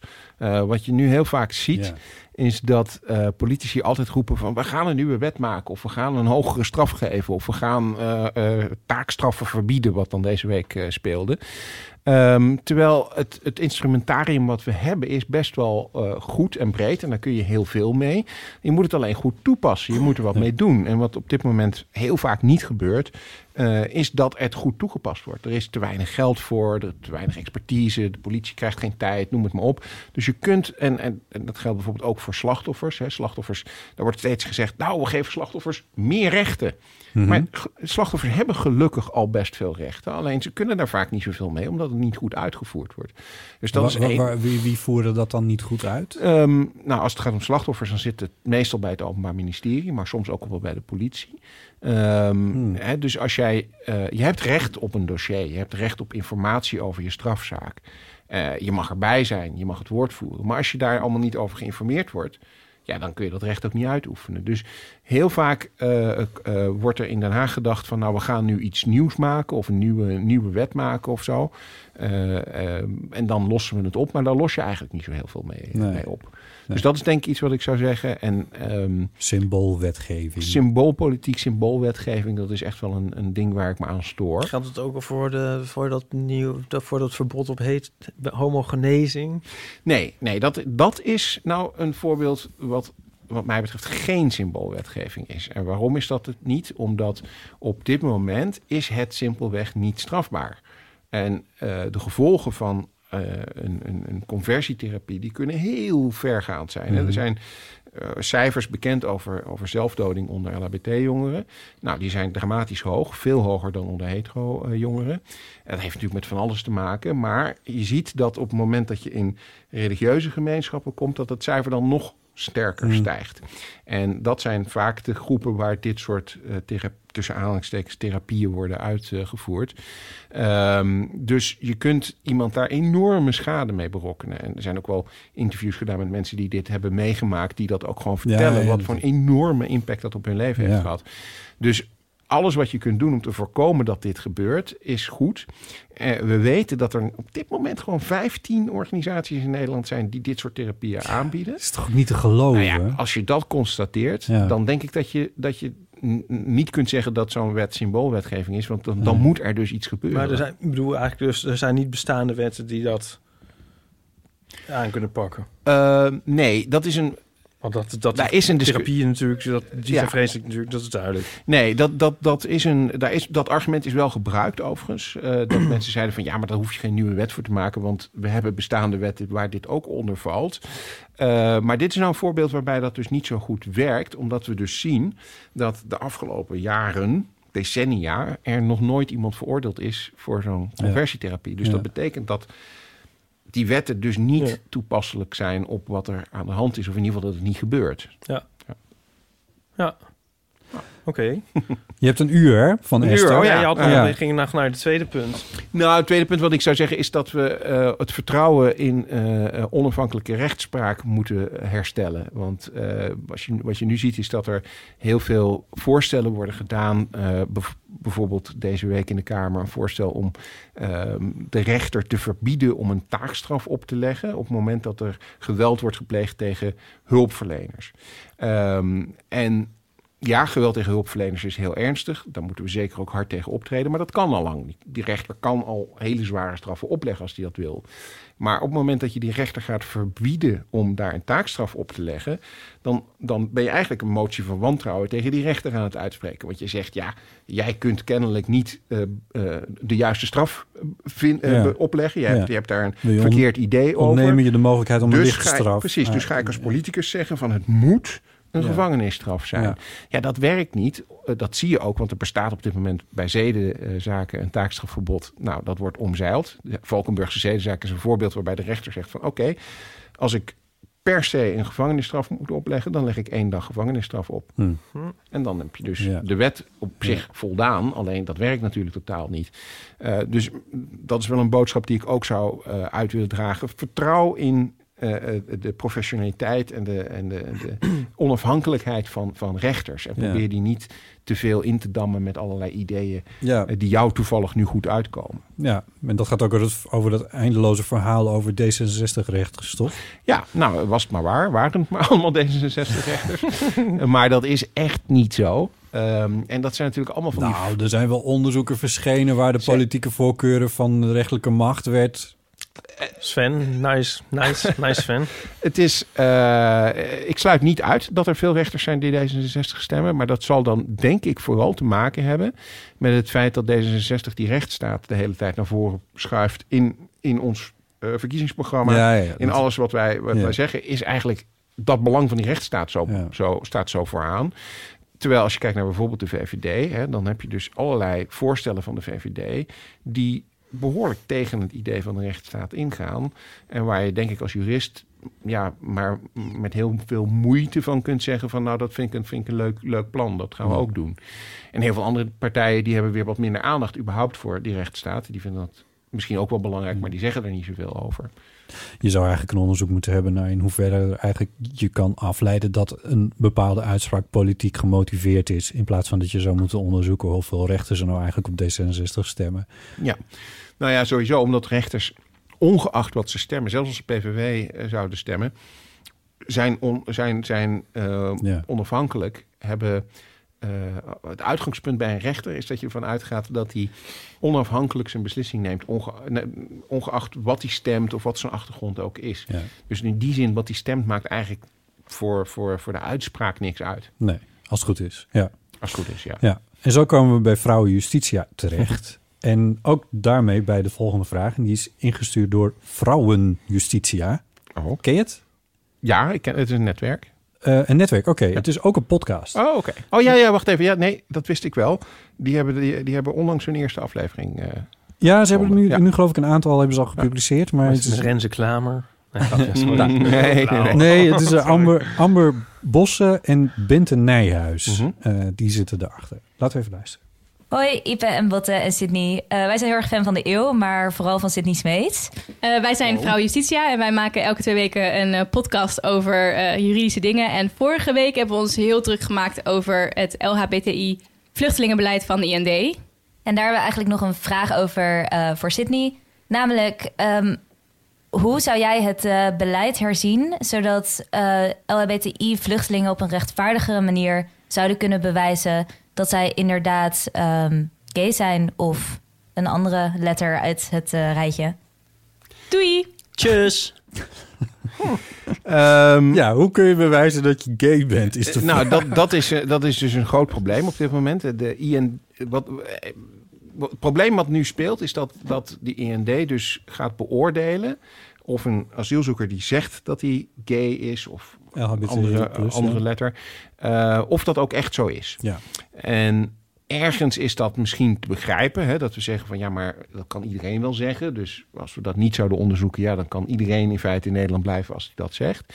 Alleen de manier waarop dat nu gebeurt is, eh, is heel dubieus. Eigenlijk wordt er heel erg uitgegaan van ons westerse idee eh, over wat dat dan betekent om LHBTI plus te zijn. Mhm. Terwijl er heel veel landen zijn waarbij dat helemaal niet van toepassing is. Eh, er zijn heel veel landen ten eerste al waar je op geen enkele manier zichtbaar kunt laten zijn dat je tot zo'n eh, Ja. een van de letters behoort. Ja. Want als je dat wel doet, nou, dan moet je vrezen voor je leven. En dan kom je hier en dan vraagt de, de, de IND eigenlijk... laat het maar toch maar even zien. Je Ja, nou, niet dan gewend. vraagt de IND inderdaad. gedaan. En van heb je Ga- foto's van eh, dat je op de Pride liep of zo? Nou, bijvoorbeeld, of hoe is je coming out gegaan? Maar er zijn heel veel Ja. culturen, nog even los van landen waar het überhaupt niet kan, maar er zijn ook heel veel culturen waar zoiets als een coming out helemaal niet bestaat. Of waar het überhaupt helemaal geen ding is om een coming out te beleven, waarbij mensen weliswaar eh, tot die gemeenschap Ja. behoren, maar niet een coming out zoals wij dat hebben, Ja. hebben beleefd. Of waar bijvoorbeeld regenvlag vlag, eh, helemaal geen, geen issue eh, is, of, of misschien wel voor iets anders staat. Ik bedoel, de katholieke kerk maakt ook gebruik van de regenboogvlag. Ehm, dus als je met een hele westerse bril naar dat verhaal gaat kijken en vragen gaat stellen, dan krijg je dus de verkeerde uitkomst. Hm. Nou, er zijn nog heel veel andere dingen. Hè. Bijvoorbeeld het feit dat ehm, als jij eh, uit een land komt waar je vervolgd wordt vanwege je geaardheid en je dat dus niet kenbaar maakt aan de autoriteiten en je komt vervolgens in Nederland en je gaat dan in een kamertje zitten met een autoriteit, namelijk Ja. iemand van de IND. Nou, ga dan maar eens zomaar vertellen dat het zo, zo in elkaar steekt. Ja. Of er zit iemand bij die uit hetzelfde land komt als jij, die voor jou tolkt. Ga dan ook maar eens zomaar Ja. vertellen hoe het zit. Want misschien is die persoon wel een hele andere mening toegedaan over deze problematiek. Dus er zijn zoveel dingen waar op dit moment veel te weinig aandacht voor is. Waardoor het dus gewoon misgaat. En waardoor dus mensen eh, ehm, ja, te makkelijk eigenlijk teruggestuurd worden. Of, of toegang tot Nederland wordt geweigerd. eh, omdat ze, en daar is een mooie term voor bedacht, niet gay genoeg zijn. Hè. Je hebt een organisatie LGBT Asylum Support, die hebben die term bedacht. En dat is eigenlijk heel toepasselijk. Ehm, wat is er de oplossing voor? Nou, er is niet één oplossing. Dat is het, eh, het, makkelijke antwoord. Ehm, ik ben er wel een groot voorstander voor om meer vertrouwen te geven aan iemand die eh, zegt dat hij LHBTI-plusser is. Eh, Oké, ik snap dat je niet zo ver kunt gaan dat alleen maar omdat je het zegt dat het dan zo is. Maar ik vind wel dat er een soort basisvertrouwen moet zijn dat als iemand dat zegt, dat je er dan in beginsel van uitgaat dat het ook zo is. Ja. Tenzij blijkt dat het niet zo is. Ja. Ehm, en dat is wel een heel andere manier van kijken, denk ik, dan wanneer je alleen maar op zoek bent naar manieren om, om het verhaal af te wijzen. Ja, ja. Ehm, dus dat vind ik belangrijk. En daarnaast gewoon eh, zorg dat je meer kennis opdoet over, over verschillende culturen. Zorg dat je op een correcte manier mensen benadert. Eh, werp het iemand niet tegen als die meteen eh, niet meteen de eerste, het eerste gesprek alles op tafel gooit. Want Ja. dat, dat is gewoon heel begrijpelijk. ja. Ik, ik vind het echt een vreselijk dossier. Het lijkt me echt Ja. ongelooflijk ingewikkeld.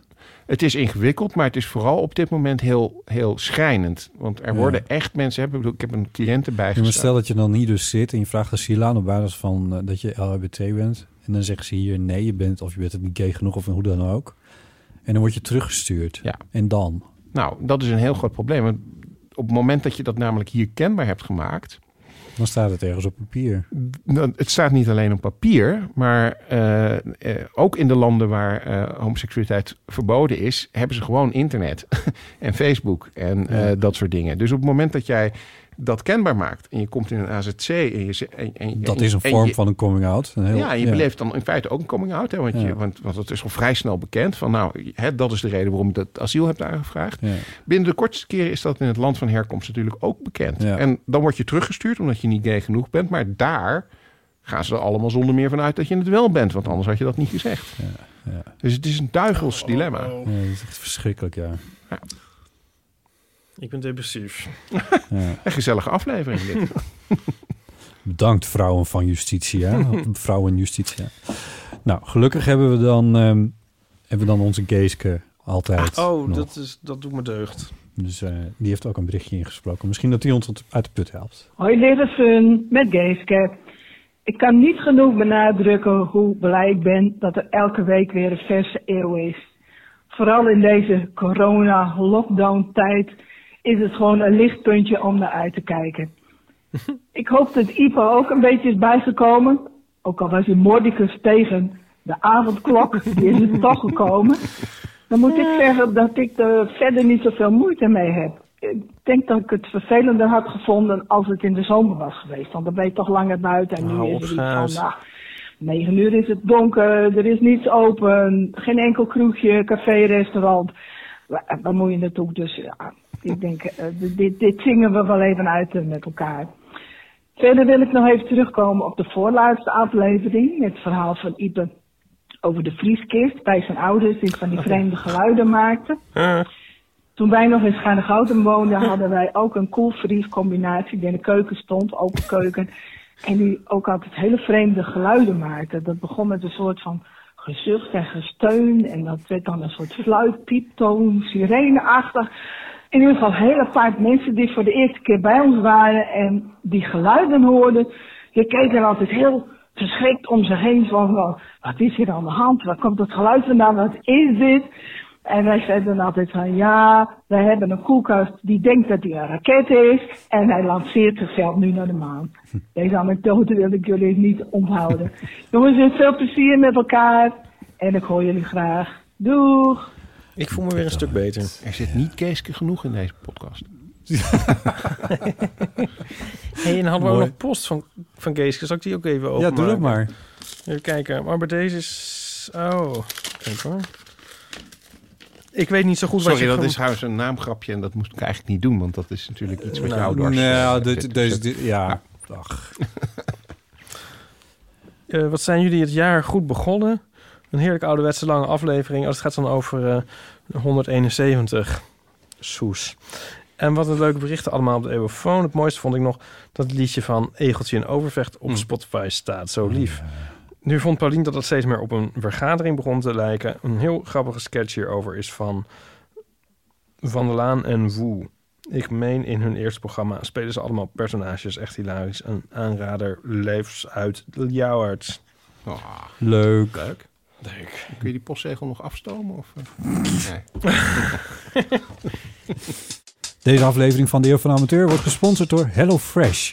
HelloFresh helpt jou met de dagelijkse boodschappen. Zo brengen de recepten van HelloFresh variatie, inspiratie en gemak naar jouw keuken. Je kan kiezen uit vegetarische, vlees, vis, premium en balansrecepten. De maaltijdboxen van HelloFresh zijn gevuld met verse ingrediënten die op een door jou gekozen moment thuis worden bezorgd in de juiste hoeveelheden voor een heerlijke en gevarieerde maaltijd. Wekelijks kan je kiezen uit wel 20 verschillende gerechten. Als HelloFresh klant zit je nergens aan vast. Via de app of website kun je gemakkelijk een weekje overslaan of je account stopzetten. Ipe, wat heb je deze week gekookt? Ik heb een quiche gemaakt. Een quiche? Ja. Dat is lekker. Een quiche met broccoli, cherrytomaten, rode peper en oregano. En het, eh, het was volgens mij eh, sinds mijn middelbare schooltijd eh, had ik geen quiche meer gemaakt. Echt? Ja. Koos je nooit voor de quiche? Nou, het is wel gegeten. Hè? Ik, ben, ik hou er heel erg van. Maar ik, ik weet nog dat we ooit een klasseavond hadden. En toen moesten we allemaal iets maken. En toen had ik een quiche gemaakt. En waarschijnlijk had ik een soort bijgestaan terwijl mijn moeder maakte. Ik weet het niet. Maar dit was dus mijn eerste quiche in een jaar of eh, 15. 15. Ja, en je moest de over weer... De aan- over die, die, deed weer, eh, die moesten weer hard aan de slag. Ehm, dan heb ik even een vraag aan jou. Ehm, wat maakt broccoli tot een supergroente? Is dat A, de grote hoeveelheid vitamine, B, de grote hoeveelheid vezels of C, de grote hoeveelheid ijzer? Ik dacht heel lang A tot je C voorlas. Ik denk dus dat het in het ijzergehalte zit. Klopt dat? Het is A, B En C. Nou, wat is er gezonder dan een broccoli quiche? Nou, dus ik kan zo niks verzinnen in ieder geval. Je ziet ook, ik ben er enorm van opgeknapt. Ja, het is nog lekker ook. Ja. Wil je ook graag een quiche maken of HelloFresh überhaupt uitproberen? Met de code HelloEeuw krijg je in totaal 40 euro korting over jouw eerste drie maaltijdboxen. Zo kan je kijken of HelloFresh iets voor jou is. Kijk snel op hellofresh.nl. Door met de podcast. Moeten we er nog op terugkomen, die avondklok? Die is er dus. Wij zaten zo van, nou, moeten we nog even evalueren? Ja, Of ja, niet? zeg maar wat je er wil zeggen. Ik ben het op zichzelf wel met, met, met Geeske eens, maar ik blijf tegen. Ja, ik zit in de omstandigheid dat ik ehm, met mijn schoonvader in huis zit. Dit moet je niet vertellen. En eh, is, is dus, eh, mag ik dat niet vertellen? Nee, dat, dat is toch niet ja, nee, nou ja. coronaproof? Nou, ik mag toch een bezoeker hebben. En Oh ja, ja dat, dat is... ehm, Ja, die gaat bij jullie verbouwen, hè? dat is de reden. Ik Ja, bedoel, dat het is de niet. Ja. ja. Nee. En dan denk ik van, dat had me beter uit kunnen komen op andere momenten misschien. Mm. Dat je s'avonds nog even, nog, even, even, even, eruit Even de deur uitkomt. Ja, ik bedoel Ja. niks tegen Nee. hè, de beste man. Mm. De beste man, dat klinkt ook alsof het eigenlijk niet zo is. Ik bedoel, het is Nee, dat schat- klinkt alsof je een keuken voor je gaat bouwen, maar het maakt niet uit. persoon op aarde. Alleen, eh, ja, nou goed. Ik bedoel, I don't know. Pff, die avondklok, ik vind het verschrikkelijk. Ja, ik vind het ook verschrikkelijk. Eh, Sheila Sital, Sheila Sitalsing, sorry Sheila, eh, die eh, schreef er eh, in mijn optiek een heel mooi eh, column op over vorige week. eh, waarin ze zei van ja, eh, Rutte heeft ooit gezegd dat het sluiten van de scholen de aller, het allerlaatste zou zijn wat hij zou doen. Dat is Mm. echt de allerlaatste maatregel. Dat blijkt dus niet waar te zijn. Nee. En nu heeft hij het gezegd over de, over de avondklok. Dus eigenlijk weten we nog steeds niks. Hmm. Ja, ja, kijk, eh, die avondklok vind ik in beginsel sowieso geen goed idee. Ehm, gewoon omdat ik vind dat je eerst... eh, dat is een beetje hetzelfde als wat ik net over die wetgeving eh, zei. Hè? Eh, zorg nou dat je eerst eens alles wat er al is Ja. goed doet. Ja. En dan gaan we verdere stappen Ja. zetten. Maar goed, feit is dat eh, eh, het RIVM dan zegt... ja, maar goed, we verwachten wel dat het een positief effect heeft. Nou, dat is dan toch best lastig, vind ik. Om dan als, als wij zijnde, los Ja. van je emotie... En, en dat ik het ook liever niet heb, te zeggen van... nou ja, RIVM, eh, je kunt me wat, we doen, we doen het toch maar gewoon niet. Dat, dat vind ik nogal wat. Ehm, en goed, er zijn ook wel een paar maatregelen genomen... Hè, waarvan ze zeggen van oké, dan gaan we dat toch wel doen... eh, in ruil voor die avondklok, een soort van. Ja. Hè, bijvoorbeeld vliegen is nu wat verder Ja. beperkt. Nou, dat was natuurlijk ook iets waarvan heel veel mensen zeiden van... ja, moet ik straks om negen uur binnen zitten... maar ondertussen was- komt iedereen eh, aangevlogen. Geslagen bizar dat er nog steeds elke dag zes vliegtuigen uit Londen Ja. landen. Ja, dat waren, dat waren vlag, vrachtvliegtuigen. Nou ja, ze stonden gewoon op de lijst bij Schiphol. Je kan instappen als je wil. Ja, dat is echt... eh, nee, dus in die zin, kijk, ze hebben er wat... Ze hebben er wat voor teruggedaan om die avondklok eh, enigszins acceptabel te maken. Maar het blijft natuurlijk een hele ernstige 30 minuten later.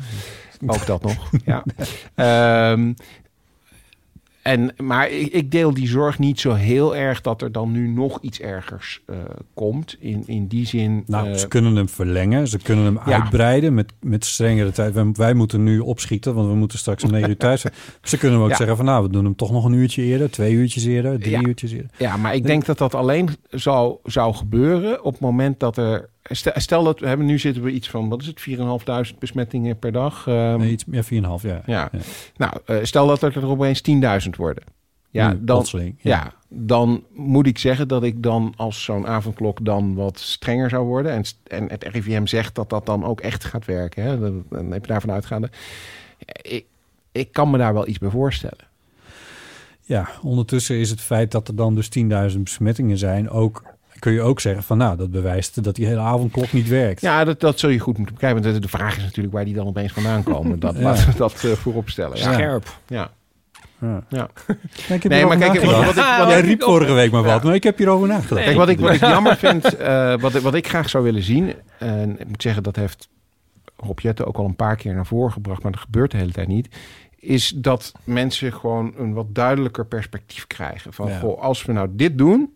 Ja. dan is dit wat we uiteindelijk willen bereiken. En als we dat bereiken, dan mag je weer naar het theater... of dan mag je weer dit. Ja. En nu, nu, nu, nu worden er iedere keer maatregelen genomen... en niemand, en daar komt volgens mij deze zorg ook vandaan...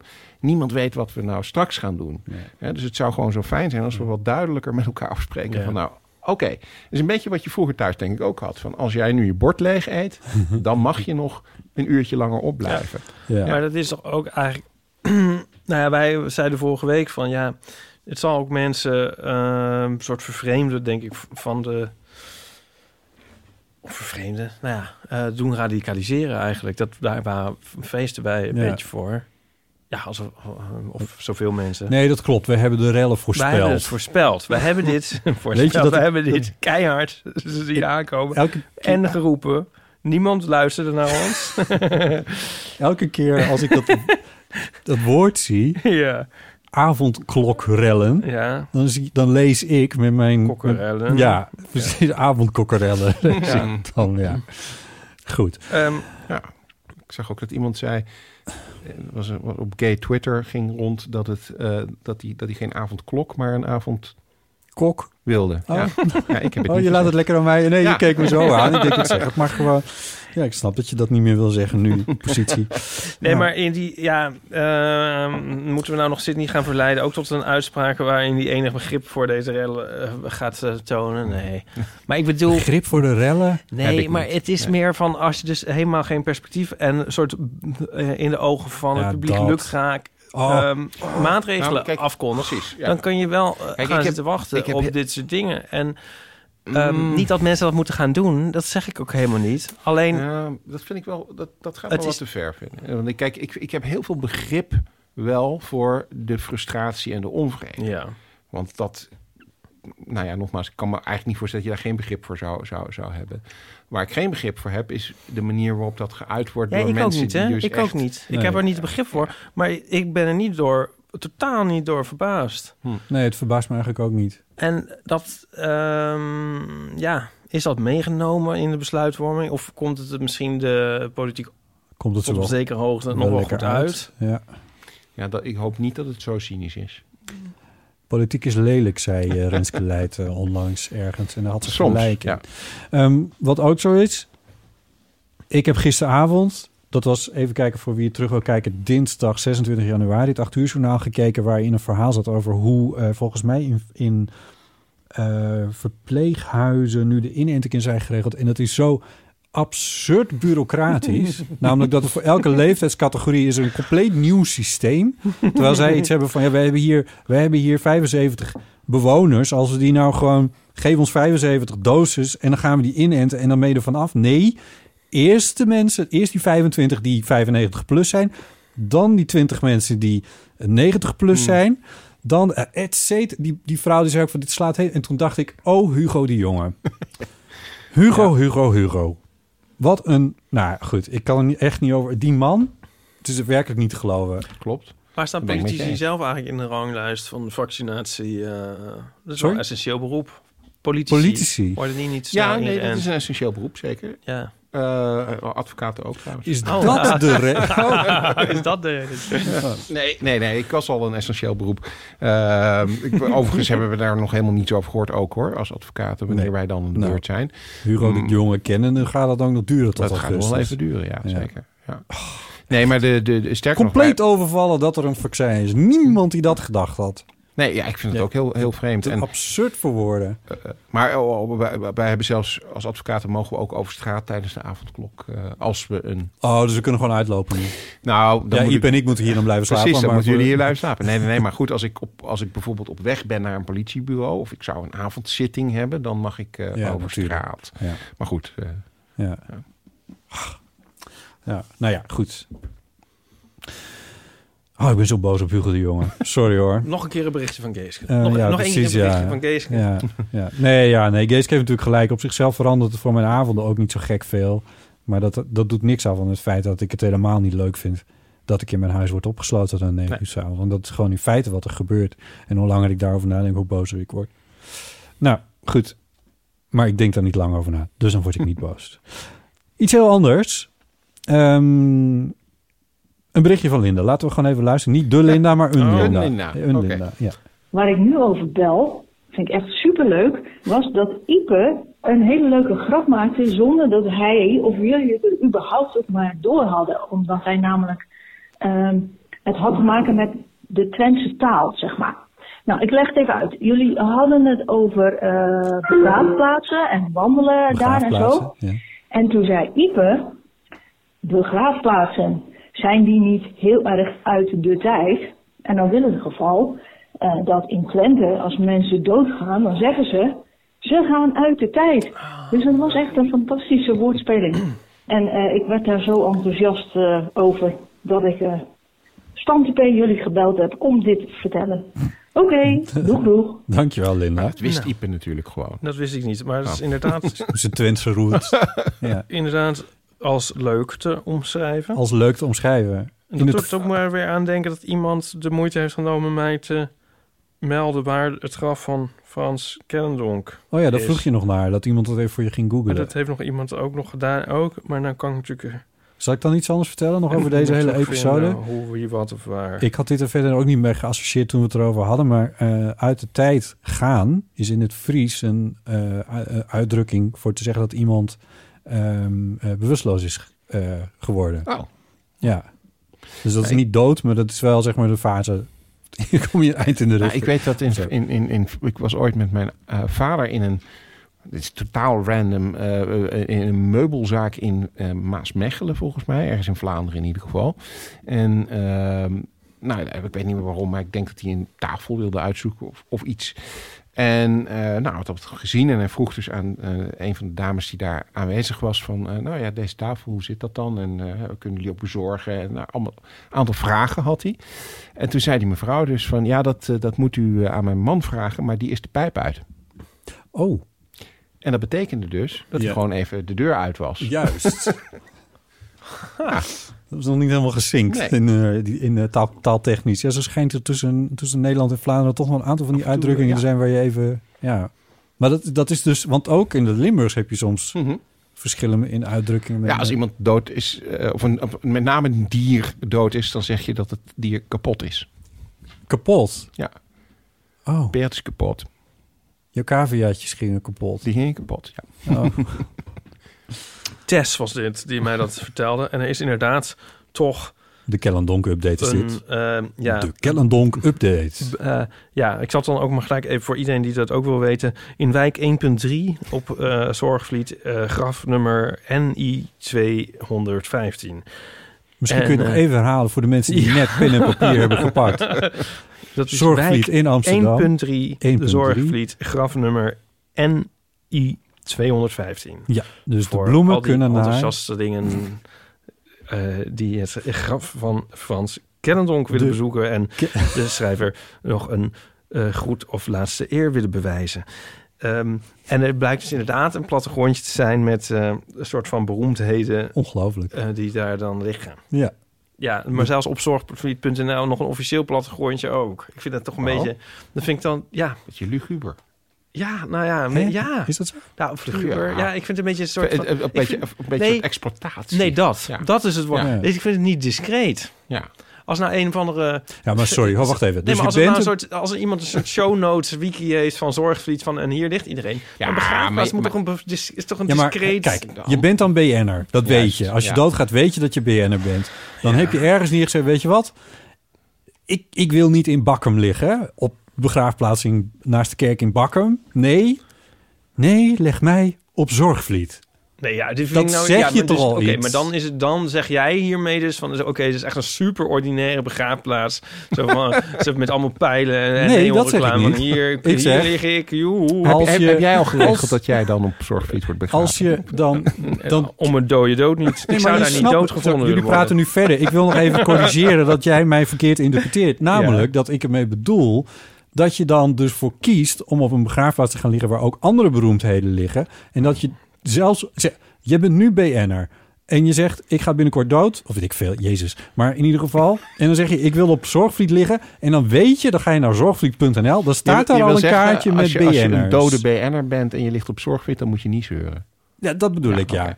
Ja, dan heb je ervoor gekozen. Je weet dat dat kaartje online staat. Ik bedoel, Frans Kellendonk wist dat niet. Want die is overleden in 86, 91. Ik weet het niet meer. Maar ja, in die geest. Ja, eind. Maar, ja. maar ik bedoel, die, die had dat niet kunnen weten in, in dat opzicht. Oh ja, dus kan ik hier ook wel in het lijstje zien. Dat staat er ook bij. Heel handig hoor. Even hoor. Ik scroll even. Eerst- ik het eerst zeggen dat het niet discreet is en dan nu- ja, maar het is niet discreet. Het is wel handig, maar het is niet discreet. 1990. Ehm, ja, maar ik bedoel, eh, moet je het lijstje zien? Wie er allemaal op staan. Nou, lees het eens lekker voor. Nou, dan kan, ben ik over Ja, dat- drie jaar nog bezig. Nee. Ik bedoel, als je, eh, jij zegt van ik ben niet bekend Ja, maar- genoeg voor de slimste mensen. Maar reken maar dat als jij op zorgvliet ligt, dat je dan in dit lijstje wordt opgenomen. Ja, maar dat is volgens mij ook helemaal niks geks. Ik denk dat heel veel begraafplaatsen een lijstje hebben met Ja, maar wie waar. heet die lijst ook, Botten? Heet die lijst dan ook? Wacht even, wacht even. Scroll even naar boven. Nee, hè, shit. Waarom krijg ik nou die... Ehm, ja, nee. Be- Zit de hele dag op zijn Heet die lijst dan ook bekend en begraven op Zorgvliet? Ik, eh, ik vind het wel een mooie titel voor een nieuwe podcast. bekend en begraven op Zorgvliet. Waar je elke week een graf bezoeken van... Nee, ik bedoel, dat is toch raar? En dan lig je op Zorgvliet en dan sta je niet op de lijst. Sta Nogmaals, niet op de lijst. je bent BN'er, maar je kan- Als, ook het goed is, sta ik op de lijst. Ja, precies. Dat, je dan denkt maar van... Gerard Reven is begraven in België. Jij bent er geweest. Hoe heet dat daar nou ook weer? Of wou je dat nu niet zeggen vanuit een soort discretie? Ik bedoel, dit is ook, dit is maar ik heb een andere functie Op dan elke- een begrafenis of een begrafenisondernemer, zeg maar. Oké, goed. Kijk, als je een, op een, een speech op een begrafenis... dan kun je bijvoorbeeld ook uit de band springen of iets grappigs zeggen of weet ik veel wat. Maar je verwacht niet dat een begrafenisondernemer iets grappigs gaat zeggen of zo. Weet je wel, dat, dat, is, dat moet toch allemaal een soort discreet sialom zijn. Ik zou er Verplaats je- vooral ook een beetje stress van krijgen... dat je dan, dat je dan afvraagt van... ben ik wel bekend genoeg Ja. om bekend en begraven te zijn? Ja, nou, als je helemaal dood bent, ben je daar waarschijnlijk niet heel erg veel meer mee bezig. Maar verplaats je ook eens even, Je kan je nog wel op je sterfbed bezighouden. In- Dan ga je zo van, van nou, eh, eh, eh, ik zal het even op mezelf betekenen. Nico, eh, bel even met En vraag of ik kan op de lijst mag, op Dan de, de pdf mag. dan ga je en dan niet- Nico bellen. Nou, ze zeggen, van, nou, ze moest het even navragen. Het is een twijfelgevalletje. dan zeg ik, nee. Ja, maar dan laat je je, laat je je toch ergens anders begraven, Ipatrice. Dat is toch niet het probleem. Moet je je trouwens ook eens even verplaatsen in de beheerder van Zorgvliet... Ja. die elke dag twaalf keer Nou, wordt oké, gevraagd... Nou, er komt er eindelijk een goed punt. Waar ligt? Waar, nou, ja, waar ligt die Patrice, ja. Maar er staan er weer allemaal van die jonge geetjes met bossen bloemen. Waar ligt die Patrice? Nou, die man wordt er gek van. Die zet een lijstje aan, die zet het op het internet... en dan is hij er vanaf. Eh, oké, dat vind ik geen... Ja, oké, nou, daar heb je een punt. Maar hadden ze dan niet net kunnen doen... alsof het een onofficiële site was... waar je wel heel duidelijk dan die naam kan vinden?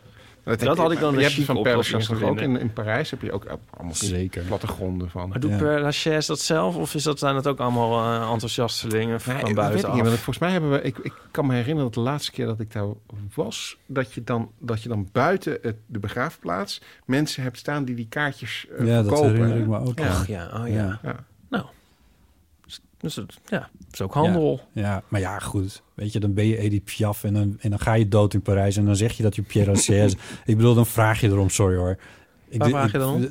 Om bezoekers te krijgen bij je graf. En om op kaartjes terecht te komen van waar je dan ligt. Ja. Ik, Ja. Weet niet, ik denk niet dat, dat, dat, dat mensen die op zorgvliet liggen... die hebben daar echt waarschijnlijk geen enkel probleem mee. Nee. nee, ik weet ook eigenlijk niet meer wat ik probeer te beargumenteren. Ik Ja, denk het ook niet. Nee. Waarom begonnen we hierover? Iemand begon Maar het heeft iets indiscreets. In Ja. ieder geval, het mysterie is opgelost. En als iemand nog moet weten... Nou ja, eh, iedereen kan het pdfje zelf erbij pakken.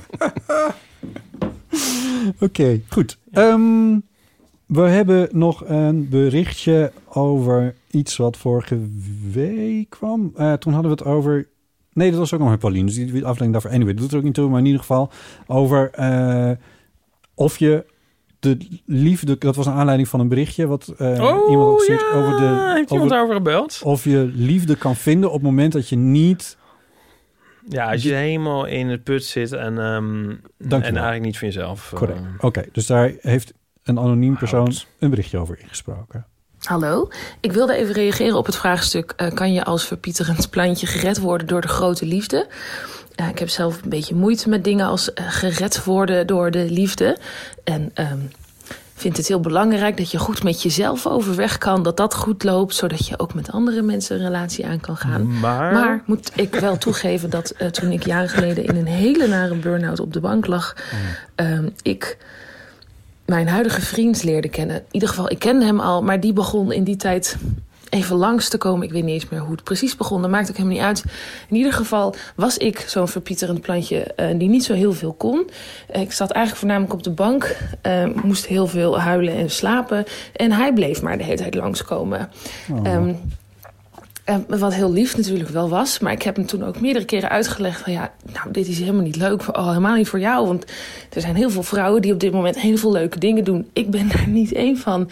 Ehm, hij zag dat anders. Wat ik ook inbracht. Dus hebben we gewoon ja, soepjes gegeten. hè.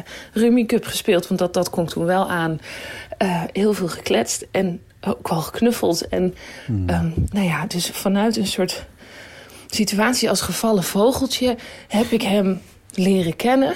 Ehm, en ben ik dus eigenlijk ook verliefd op hem geworden. En hij ook op mij. Ehm, en, oh ja, dit gaat heel ingewikkeld klinken. En hij is dan toch dan wel gevallen op mij in een hele ongelukkige situatie. Maar het was dan ook weer niet zo dat ik natuurlijk een totaal ander persoon was. Gewoon eh, verdrietig en moe. Ehm, maar blijkbaar blijven er toch wel wat dingen overeind staan in jezelf. Ook als je ongelukkig bent. Ook als je het even niet ziet zitten. Dat geloof ik inmiddels wel. Ehm, uiteindelijk ben ik denk ik niet door hem gered. Maar gewoon ben ik goed bijgekomen. En heb ik mijn leven weer gewoon zo georganiseerd dat het werkt voor mij. Maar we hebben het er nog vaak over dat we elkaar op zo'n gek moment ontmoet hebben. Eh, en het werd natuurlijk ook steeds leuker, want ik kreeg steeds meer energie. En nou goed, dit is een ingewikkeld verhaal. Ik wilde alleen maar even toch erop inhaken. Ik ben dus zo'n plantje geweest. Ik ben even stokongelukkig geweest. En ik woon samen met, in mijn ogen, de leukste man van Nederland. Dus nou ja, eh, doe ermee wat je wil. Oké, doei. Nou ja, dankjewel. Er is hoop. Ja, dus, Dit is toch geweldig, dit is toch leuk. Even afgezien van het feit dat ik dus gelijk heb. Sorry, nee. Maar Dat, dat is het belangrijkste. Als ik zei Nou, wacht even, Nee, ik nee, is de grap dit maar Nee. weer. Maar dit is toch het meest hartverwarmend, geweldig, leuke bericht ever. yes, Mhm. helemaal mee Ik eens. vind dit zo leuk. Ja, ja, Ja. ja. Hoeven we verder ook niks aan toe te voegen. Het is heel mooi. Ik vind het echt geweldig. Ik vind Ja. het heel leuk dat, dat nou, fijn dat ze dit inbelt. Ja, Ja. prachtig. Ehm, nog een berichtje van een oude bekende van ons, namelijk Catharine van Dalen, die iets zegt over deze eh, eh, lockdown-periode en single zijn. Hey, dag Botte, met Catharine van Dalen. Ik bedenk mij ineens iets. Jij bent ontzettend in het voordeel op dit moment. Want wij gaan natuurlijk voortdurend uit van stelletjes. Al het sociale verkeer gaat tot een treuren uit van stelletjes. Daar lopen we natuurlijk met open relaties ook tegenaan. Dat mensen wel verbaasd opkijken als we met z'n drieën binnenkomen. Maar dat mag nu allemaal niet meer. En jij mag wel overal op bezoek, want je bent in je eentje. Eindelijk een voordeel. Kom je alsjeblieft bij ons eten? En dan moet je natuurlijk ook blijven slapen, want anders moet je weer weg naar Amsterdam. Dat mag niet meer met de avondklok. Maar het huis is groot genoeg. Er zijn genoeg logeerkamers. Dus kom lekker naar Amersfoort, of zoals wij het graag noemen, Amsterdam Zuid-Zuidoost. En, eh, en dan maken we er een gezellige avond van. Doei! Dankjewel, eh Catharina. Doe dit. Voor, voor- ja, ik weet niet of, ze, of het helemaal klopt wat zij zegt. Want als zij een, eh, een, een huishouding is met z'n drieën... wat in een polyamoreuze relatie volgens mij gewoon het geval zou kunnen zijn. Als je samen woont, denk ik. Ja. Ja, met z'n drieën. Dan is er op zichzelf toch niks aan de hand. En, eh, eh, Je kan niet in je- je eigen huishouden niet, maar je mag volgens mij is nu de regel dat je maar één persoon bezoek mag ontvangen. Ja. En, Ja. en dus volgens mij wat zij bedoelt is als zij nu op bezoek willen bij vrienden. eh, ja, dan kan het niet met z'n drieën. met z'n drieën. Nee, dat klopt. Ja. En eh, dat is natuurlijk zo. Ja. Ja. en ze kunnen niet Nico en mij te eten Uitnodigen. uitnodigen. Niet Nee. tegelijkertijd. Nee. Wel Maar- achter elkaar. ja. Maar wel jou. Ja. Ja, maar ja, ze kunnen jou ook uitnodigen. Ja. Alleen niet samen met je partner. Ja.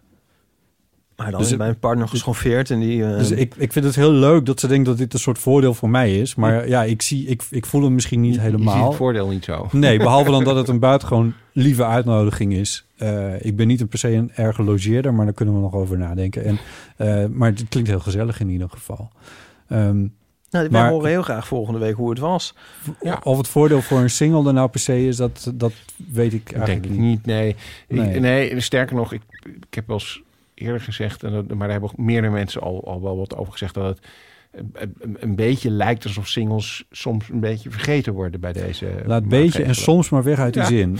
Ja, Linda Duits die zegt er ook eh, daar een regelmatig... Ja, ze er- ja, ik, ik sta daar ook helemaal achter wat zij daarover zegt en Ja. schrijft. eh, of Nee, dat klopt. Ik bedoel, je bent in je eentje en eh, eh, je kunt eh,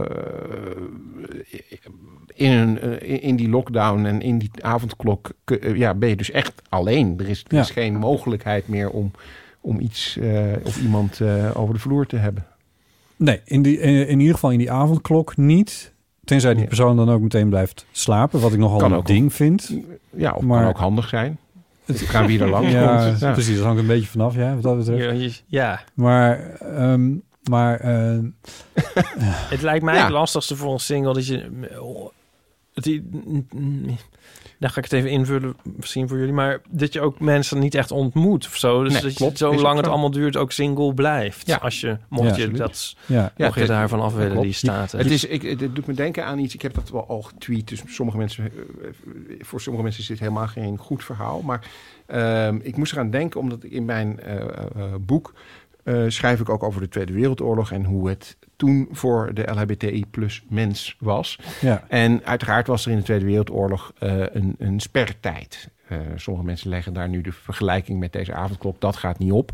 Maar de enige vergelijking die wel opgaat, is dat in die tijd ehm, het voor met name homo-mannen, maar ook, ook lesbische vrouwen, ehm, die, die spertijd een soort excuus was. Waardoor het opeens eh, een, een legitieme reden was om de avond met elkaar of de nacht met elkaar door te brengen. Want je kon niet meer Want je naar kon huis. niet meer over straat. Ja. En dus had je een goed excuus en dus kon je daar eh, gezellige dingen eh, doen. Ja. Ja. Ze noemden dat eh, dan ook de spermatijd. nee, maar dat is echt waar. Dat heb ik niet bedacht. Dat is- Hey, maar dat doet ons eraan denken. En fijn dat je het toch nog even in het midden brengt. Dat we het is helemaal niet over Sydney's boek hebben gehad. Nee. Nee, ik vind het mooi hoe je dat toch nog even in hebt gefietst. maar, maar dat zit er nog aan te komen, Oh, het toch? komt vanzelf. Oh, wat? Dat we het erover gaan hebben? Of Het- over... Nee, het boek is toch nog niet uit? Het is er nog niet. Nee, maar laten we het daar alsjeblieft even over ja, hebben. natuurlijk. ja. Het Eh, porseleinen huwelijk. Het porselein Naar aanleiding van het feit dat het, eh, wat we soms wel eens genoemd hebben, homohuwelijk, maar het huwelijk voor gelijk geslacht, eh 20 jaar bestaat. Klopt, op 1 april van eh, eh, dit jaar is het 20 jaar geleden dat de eerste vier homo-huwelijken, oftewel huwelijken voor paren van gelijk geslacht, eh, ge- gesloten werden. En dan Door Job Cohen. Door Job Cohen hier in Amsterdam, in Stopra. Ik was daarbij. Ik zat Ja? in de Stopra op dat moment. Ja, zeker. In welke... Hoe, Als een soort Forrest Gump. Als Forrest Gump eh, ben ik daar ingeëdit eh, later. Eh, nee, ik was daar samen met een eh goede vriend van mij, eh, Stefan de Jong, die eh, net als ik op dat moment in de Tweede Kamer werkte. En eh, samen met Boris Dietrich en een aantal andere Kamerleden. eh, Boris Dietrich, waren van de grote drijvende ja, krachten Boris achter- Dietrich eigenlijk de grote drijvende kracht achter dat, dat, Ja. die wetswijziging. Ja, Henk Krol trekt het zich wel eens naar zich toe, maar... Ja. ja. Oké, goed, dat, die zucht zegt genoeg. Ga verder. Ehm, maar die waren daar dus ook uiteraard allemaal uitgenodigd. Maar ook een aantal medewerkers in de Kamer die iets met het dossier te maken hadden gehad, eh, mochten daarbij zijn. Dus ik zat daarbij. Het was een unieke eh, avond natuurlijk om, om dat mee te maken. Want het was niet alleen de eerste in Nederland, maar in de hele wereld. Ja. En inmiddels zijn er gelukkig heel veel landen die dat ook eh, eh, hebben gedaan. Ja. Het hu- huwelijk opengesteld. Maar op dat moment was het heel uniek. Tussenvraag. Jij was je dus bewust van dat dit een historisch moment Ja, was en daarom was je iedereen op dat moment hoor. Je werkt in de Kamer voor de VVD-fractie, voor Erik Terpstra. ja. Was jij betrokken bij het tot standkoming van... Alleen indirect. Ik eh, had, eh, of de portefeuille van Erika ging niet zozeer over, over LHBTI of emancipatie. Nee, sport. Maar, maar inderdaad sport ehm, eh, en, en andere dingen overigens hoor, niet alleen sport. Ik herinner me Eh, alleen gelukkig maar want ik ben niet zo'n enorme sporter. Oh. Eh, maar, ehm, maar er waren wel andere Kamerleden bij betrokken. En Ja. eh, als rechten student eh, werd ik ook wel gevraagd om daar af en toe een beetje over mee te denken en over mee te praten. Ehm, en überhaupt het, het emancipatiebeleid, daar heb ik me wel wat voor ingezet om dat weer een beetje vlot te trekken. Want nou, Ja. dat lag een beetje stil, omdat iedereen zoiets had van... nou, als we dat huwelijk eenmaal hebben, dan is alles klaar. Nou, dat is natuurlijk helemaal niet zo. Ehm, en ehm, van, vandaar dat ik ook uitgenodigd werd om daar, daarbij te zijn. En nu, twintig jaar later, heb ik dus dat boek geschreven... eh, waarin ik eigenlijk een soort van geschiedenis van LHBTI-rechten in Nederland eh, probeer te geven. Ja, dus het wordt gewoon een standaardwerk dit. Dit- dit- Nou, dat weet ik Ja, die niet. gaat, dat gaat dus niet eh, van 20 jaar, maar veel verder terug. Ja, ja, ja, het gaat. eh, het begint ongeveer in de zesde eeuw. Ja. Zo. Eh, ja, en dan. eh, dat- ik weet dat jij heel erg van etymologie houdt, dus eh, ik, zal, ik zal dat eh, dan maar jou besparen. Nee, nee, nee, Maar, doe even. Ja, nee, ja, het, het begint eigenlijk met. eh, in, in die tijd eh, woonden in, eh, in onze landstreek eh, de Germanen.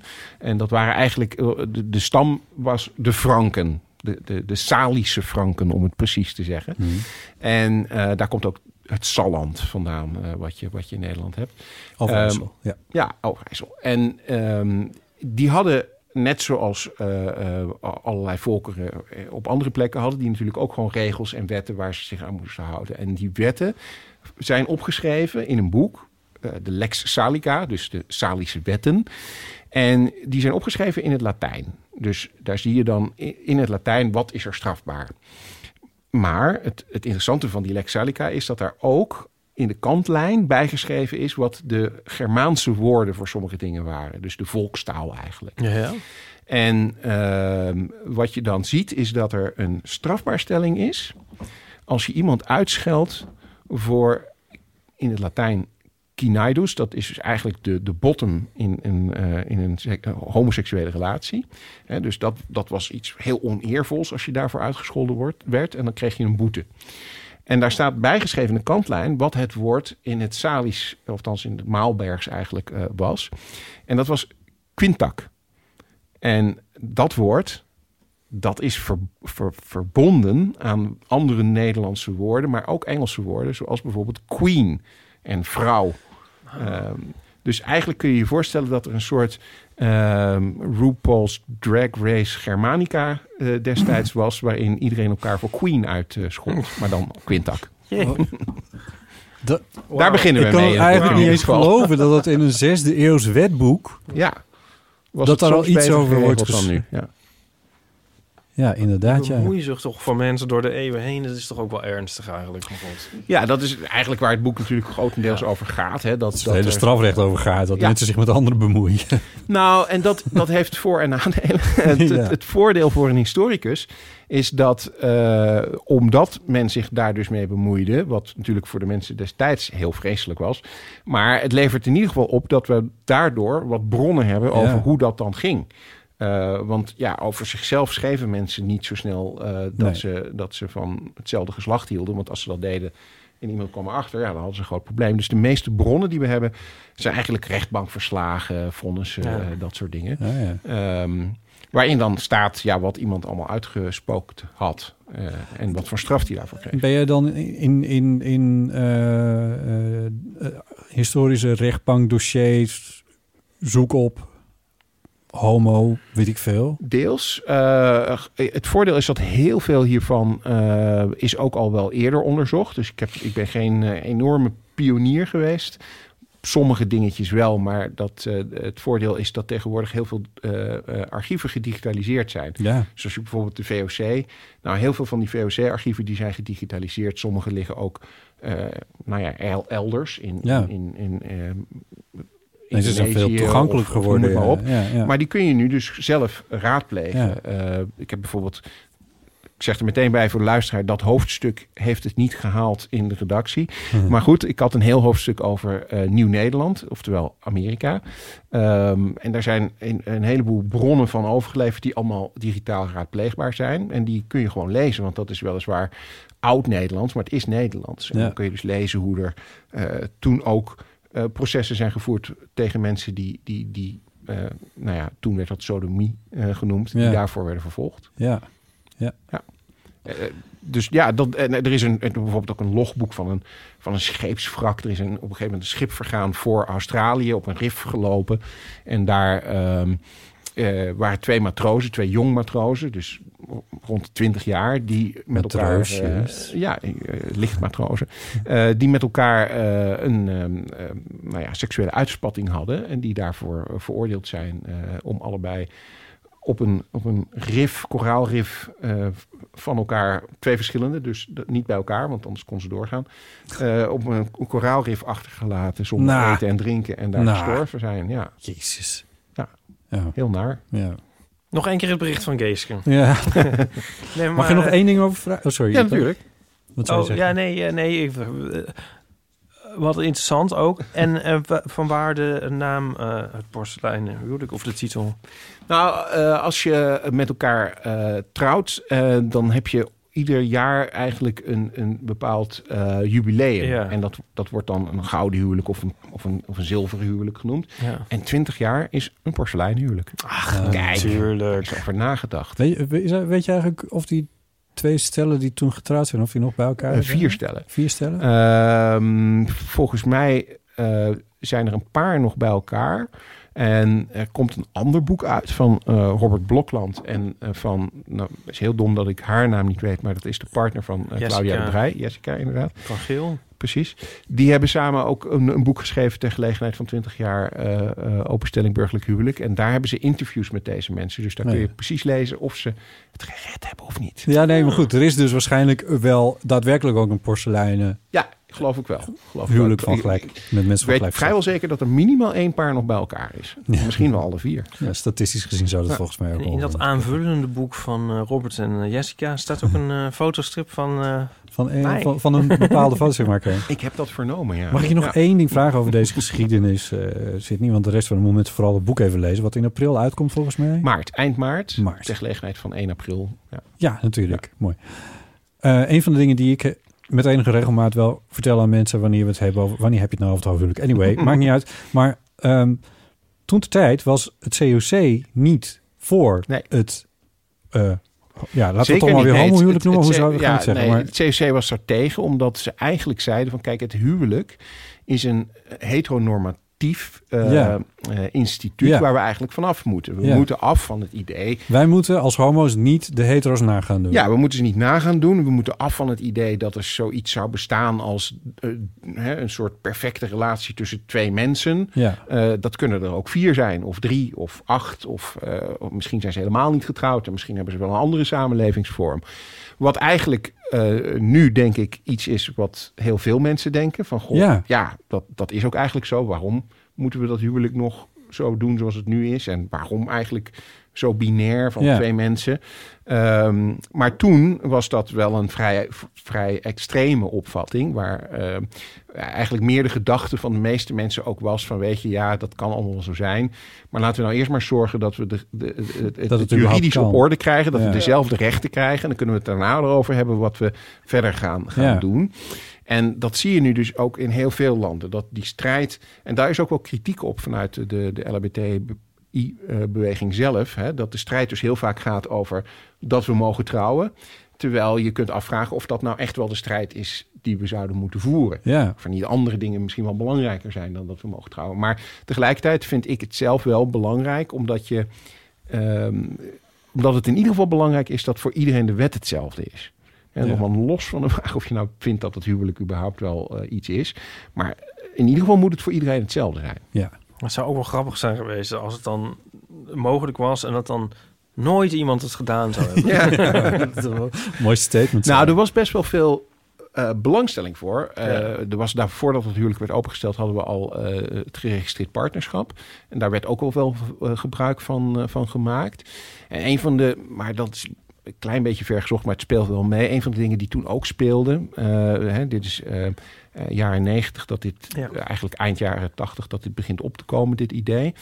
Eh, is toch ook de aidscrisis. Mhm. Het idee dat op het moment dat je eh, een relatie met elkaar hebt, maar niet getrouwd bent en één partner overlijdt, dat je dan opeens Ja. met lege handen staat, omdat het huwelijksvermogensrecht en het erfrecht daar niet op ingericht was. Nee, dus dat nee, was met, ook met een, soms echt heel dramatische ja, eh, gevolgen. hele dramatische gevolgen. En dat was dus ook een reden waarom het een enige impuls kreeg vanuit mensen die zeiden van hé, Ja. maar dit moeten we gewoon nu gewoon goed gaan regelen. Maar zeg je dan ook dat het, een, dat het een reflex was vanuit die periode van AIDS? In 96 kwam die cocktail de markt... waardoor Mhm. AIDS voor het eerst veranderde van een dodelijke ziekte... in een, eh, in een, of, ja, een HIV-besmetting veranderde in een, eh, in een doodvonnis, van een doodsvonnis... in een eh, behandelbare, eh te controleren chronische weliswaar, maar toch ziekte. Ehm, dat daar een, een, een verbinding tussen zit, tussen, die, tussen dat en het openstellen van het huwelijk voor mensen van gelijk geslacht?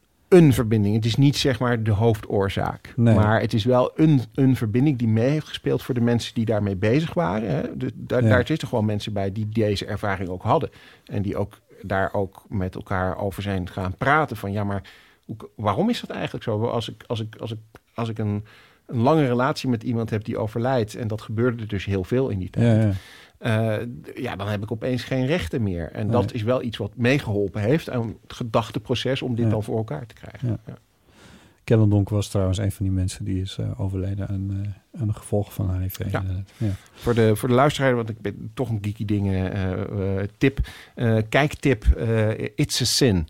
Het is een Hmm. nieuwe serie die gaat over het begin van de AIDS-crisis in de jaren vanaf titel komt mij bekend 1981. Ja, wat zou dat nou? Ja. Ook niet precies wat het... eh, Ja, nee, ik weet niet. Het, schijnt een, een, een bandje wat verder nooit bekend geworden is. Heeft daar iets van een nummer van gemaakt of zo. Maar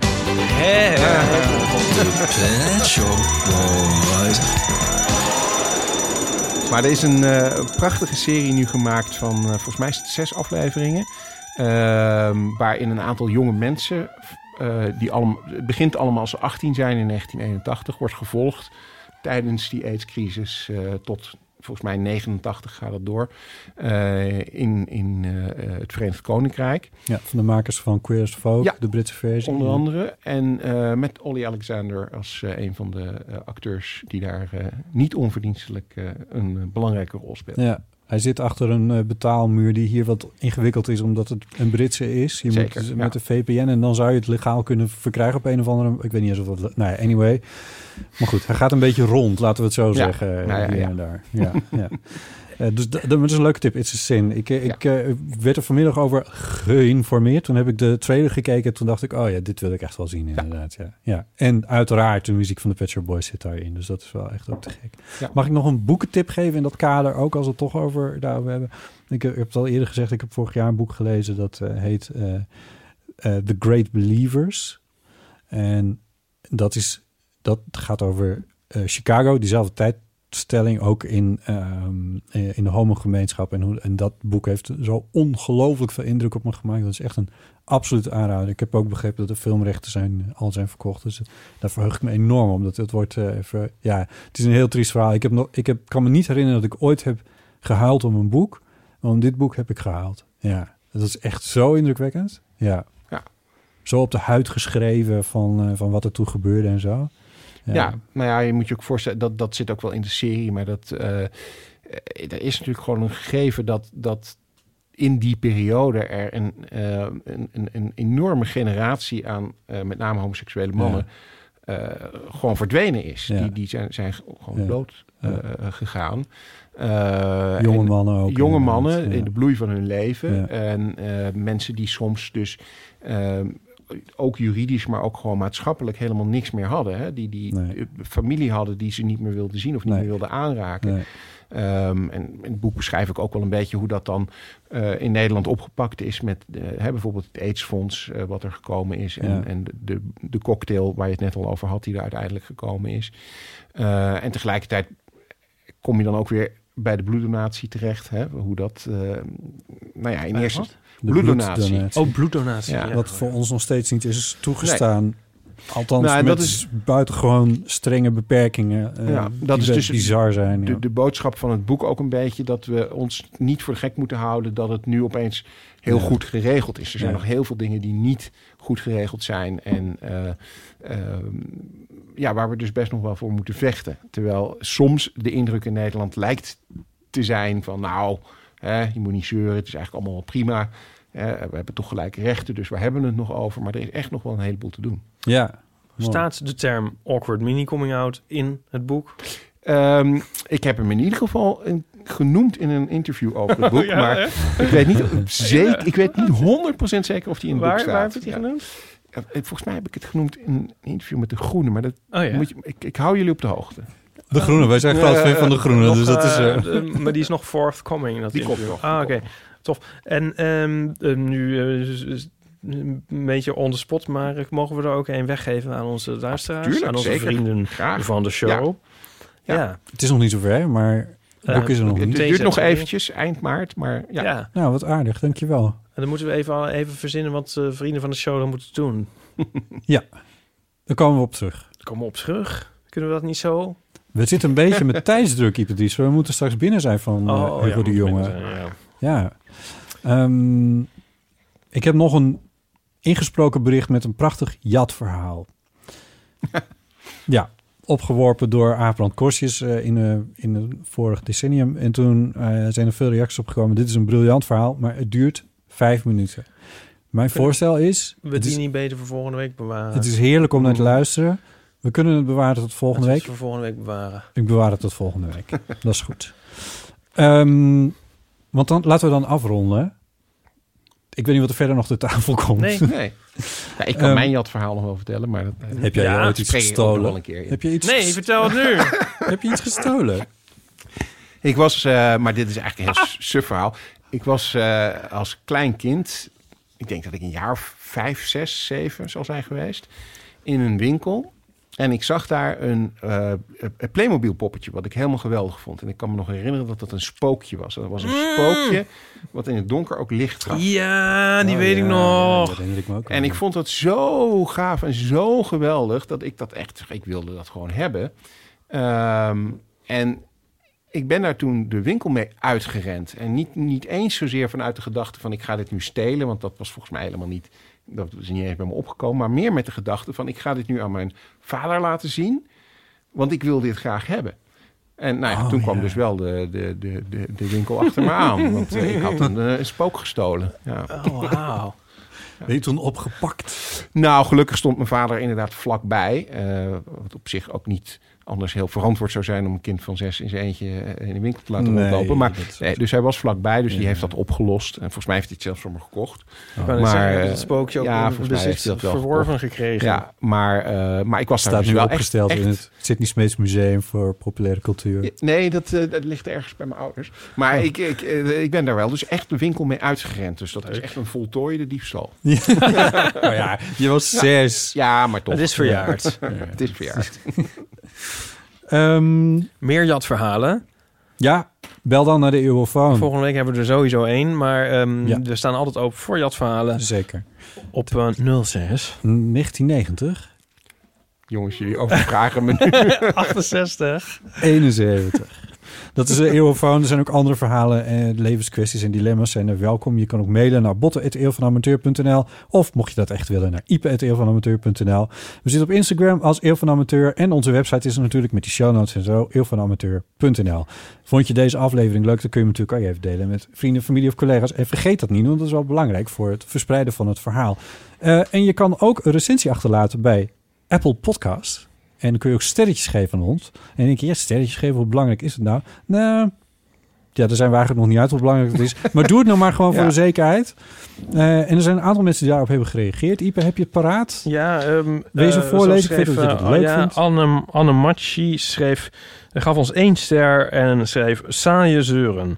Zonder gasten zijn Oh. die twee zo saai. Ja. Hm. Nou, Ehm, maar nieuws. Deze aflevering was met een gast. Ja, wat heerlijk. Eh, daarentegen schreef Gerardientje ehm, onder de titel Fijn en Gezellig... Mijn favoriete podcast Keukentafel om aan aan te schuiven. Hartje, tafel, nee, stoel. Stoeltje. Ja. Ehm, en Maartje, La, Maartje L.A., misschien is het Maartje uit L.A., ik weet het niet. Ja. Marcella, ik weet het niet. Eh, de ultieme ontspanning. Ik lach regelmatig hardop en het voelt na een tijdje alsof ik onderdeel ben van het gesprek. Zin en onzin wisselen elkaar af met een prettige dosis luchtigheid. Mooi. Dankjewel, Maartje La. Ehm, Dat was het voor deze keer. Eh Sydney Smeets, hartelijk dank. Ja, jullie bedankt. Heel veel succes met je campagne. Dankjewel. Heb je stickers en t-shirts en ballonnen? Eh, Ballonnen mag natuurlijk niet Nee, meer. ballonnen, dat, eh, we zijn een milieupartij, Ja. dus dat Ja. hebben we niet. Eh, we hebben eh, folders, die, die, die ga je binnenkort van mij krijgen. Dan, eh, daar sta ik op en zo. Eh, en verder, ehm, ja, het is dus lastig omdat alles online is. Dus, dus echt t-shirts en posters en zo, daar doen we niet zo heel veel dit keer mee. Eh, dus het is allemaal heel erg online. Eh, ik, doe, ik doe wat Instagram live dingen en ik ben wat bij livestreams en, en dat Ja, soort. nee, het canvassen zit er misschien niet echt heel erg in, hè? Nee, canvassen zit er zeker niet in. Nee. Eh, nee, het, het zou wel heel raar zijn als wij als partij zeg maar de coronaregels zouden gaan overtreden om te Tussen- canvassen. tussen dat- half dat doen negen en negen Nee, gaan jullie de ja. straat Ja, nee, dat is wel waar. Dan staan we echt op iedere straathoek staat D66. Oh, we moeten opschieten, anders zijn we niet op tijd thuis, herinner ik me nu. Oké, Ipe, dankjewel. Ja, geen dank. Ehm, geen dank. Ik, oh, oh, ik bedoel, jij bedankt. Of hoe zeg je dat? Ja. Jullie bedankt. Ik, ik vond jou erg goed vandaag. Hoe vond je mij? Wat is dit? Wat is dit? Ik weet niet, je zat zo te hakkelen. Ik zat Nee, even na, ik was even in vond zichzelf ook erg goed vandaag. Ja, ja, ja. Wat, wat, je wil nog iets kwijt, ik zie het. Eh, ik, had- ik had het eh, behoefte om nog te resumeren. Zo van, eh, nou ja, dus je kan stemmen op Sydney in maart. En je kan zijn boek kopen eind maart. Ja. Dat is eigenlijk een beetje de takeaway van de, de, takeaway van de uitzending. Ja, ja de call to action. De call to action. Ja, ja. Oké. Ja, nee, ja. En eh, tot snel, luisteraars. Ja, tot snel. Bedankt voor het luisteren. Dankjewel. Tjus.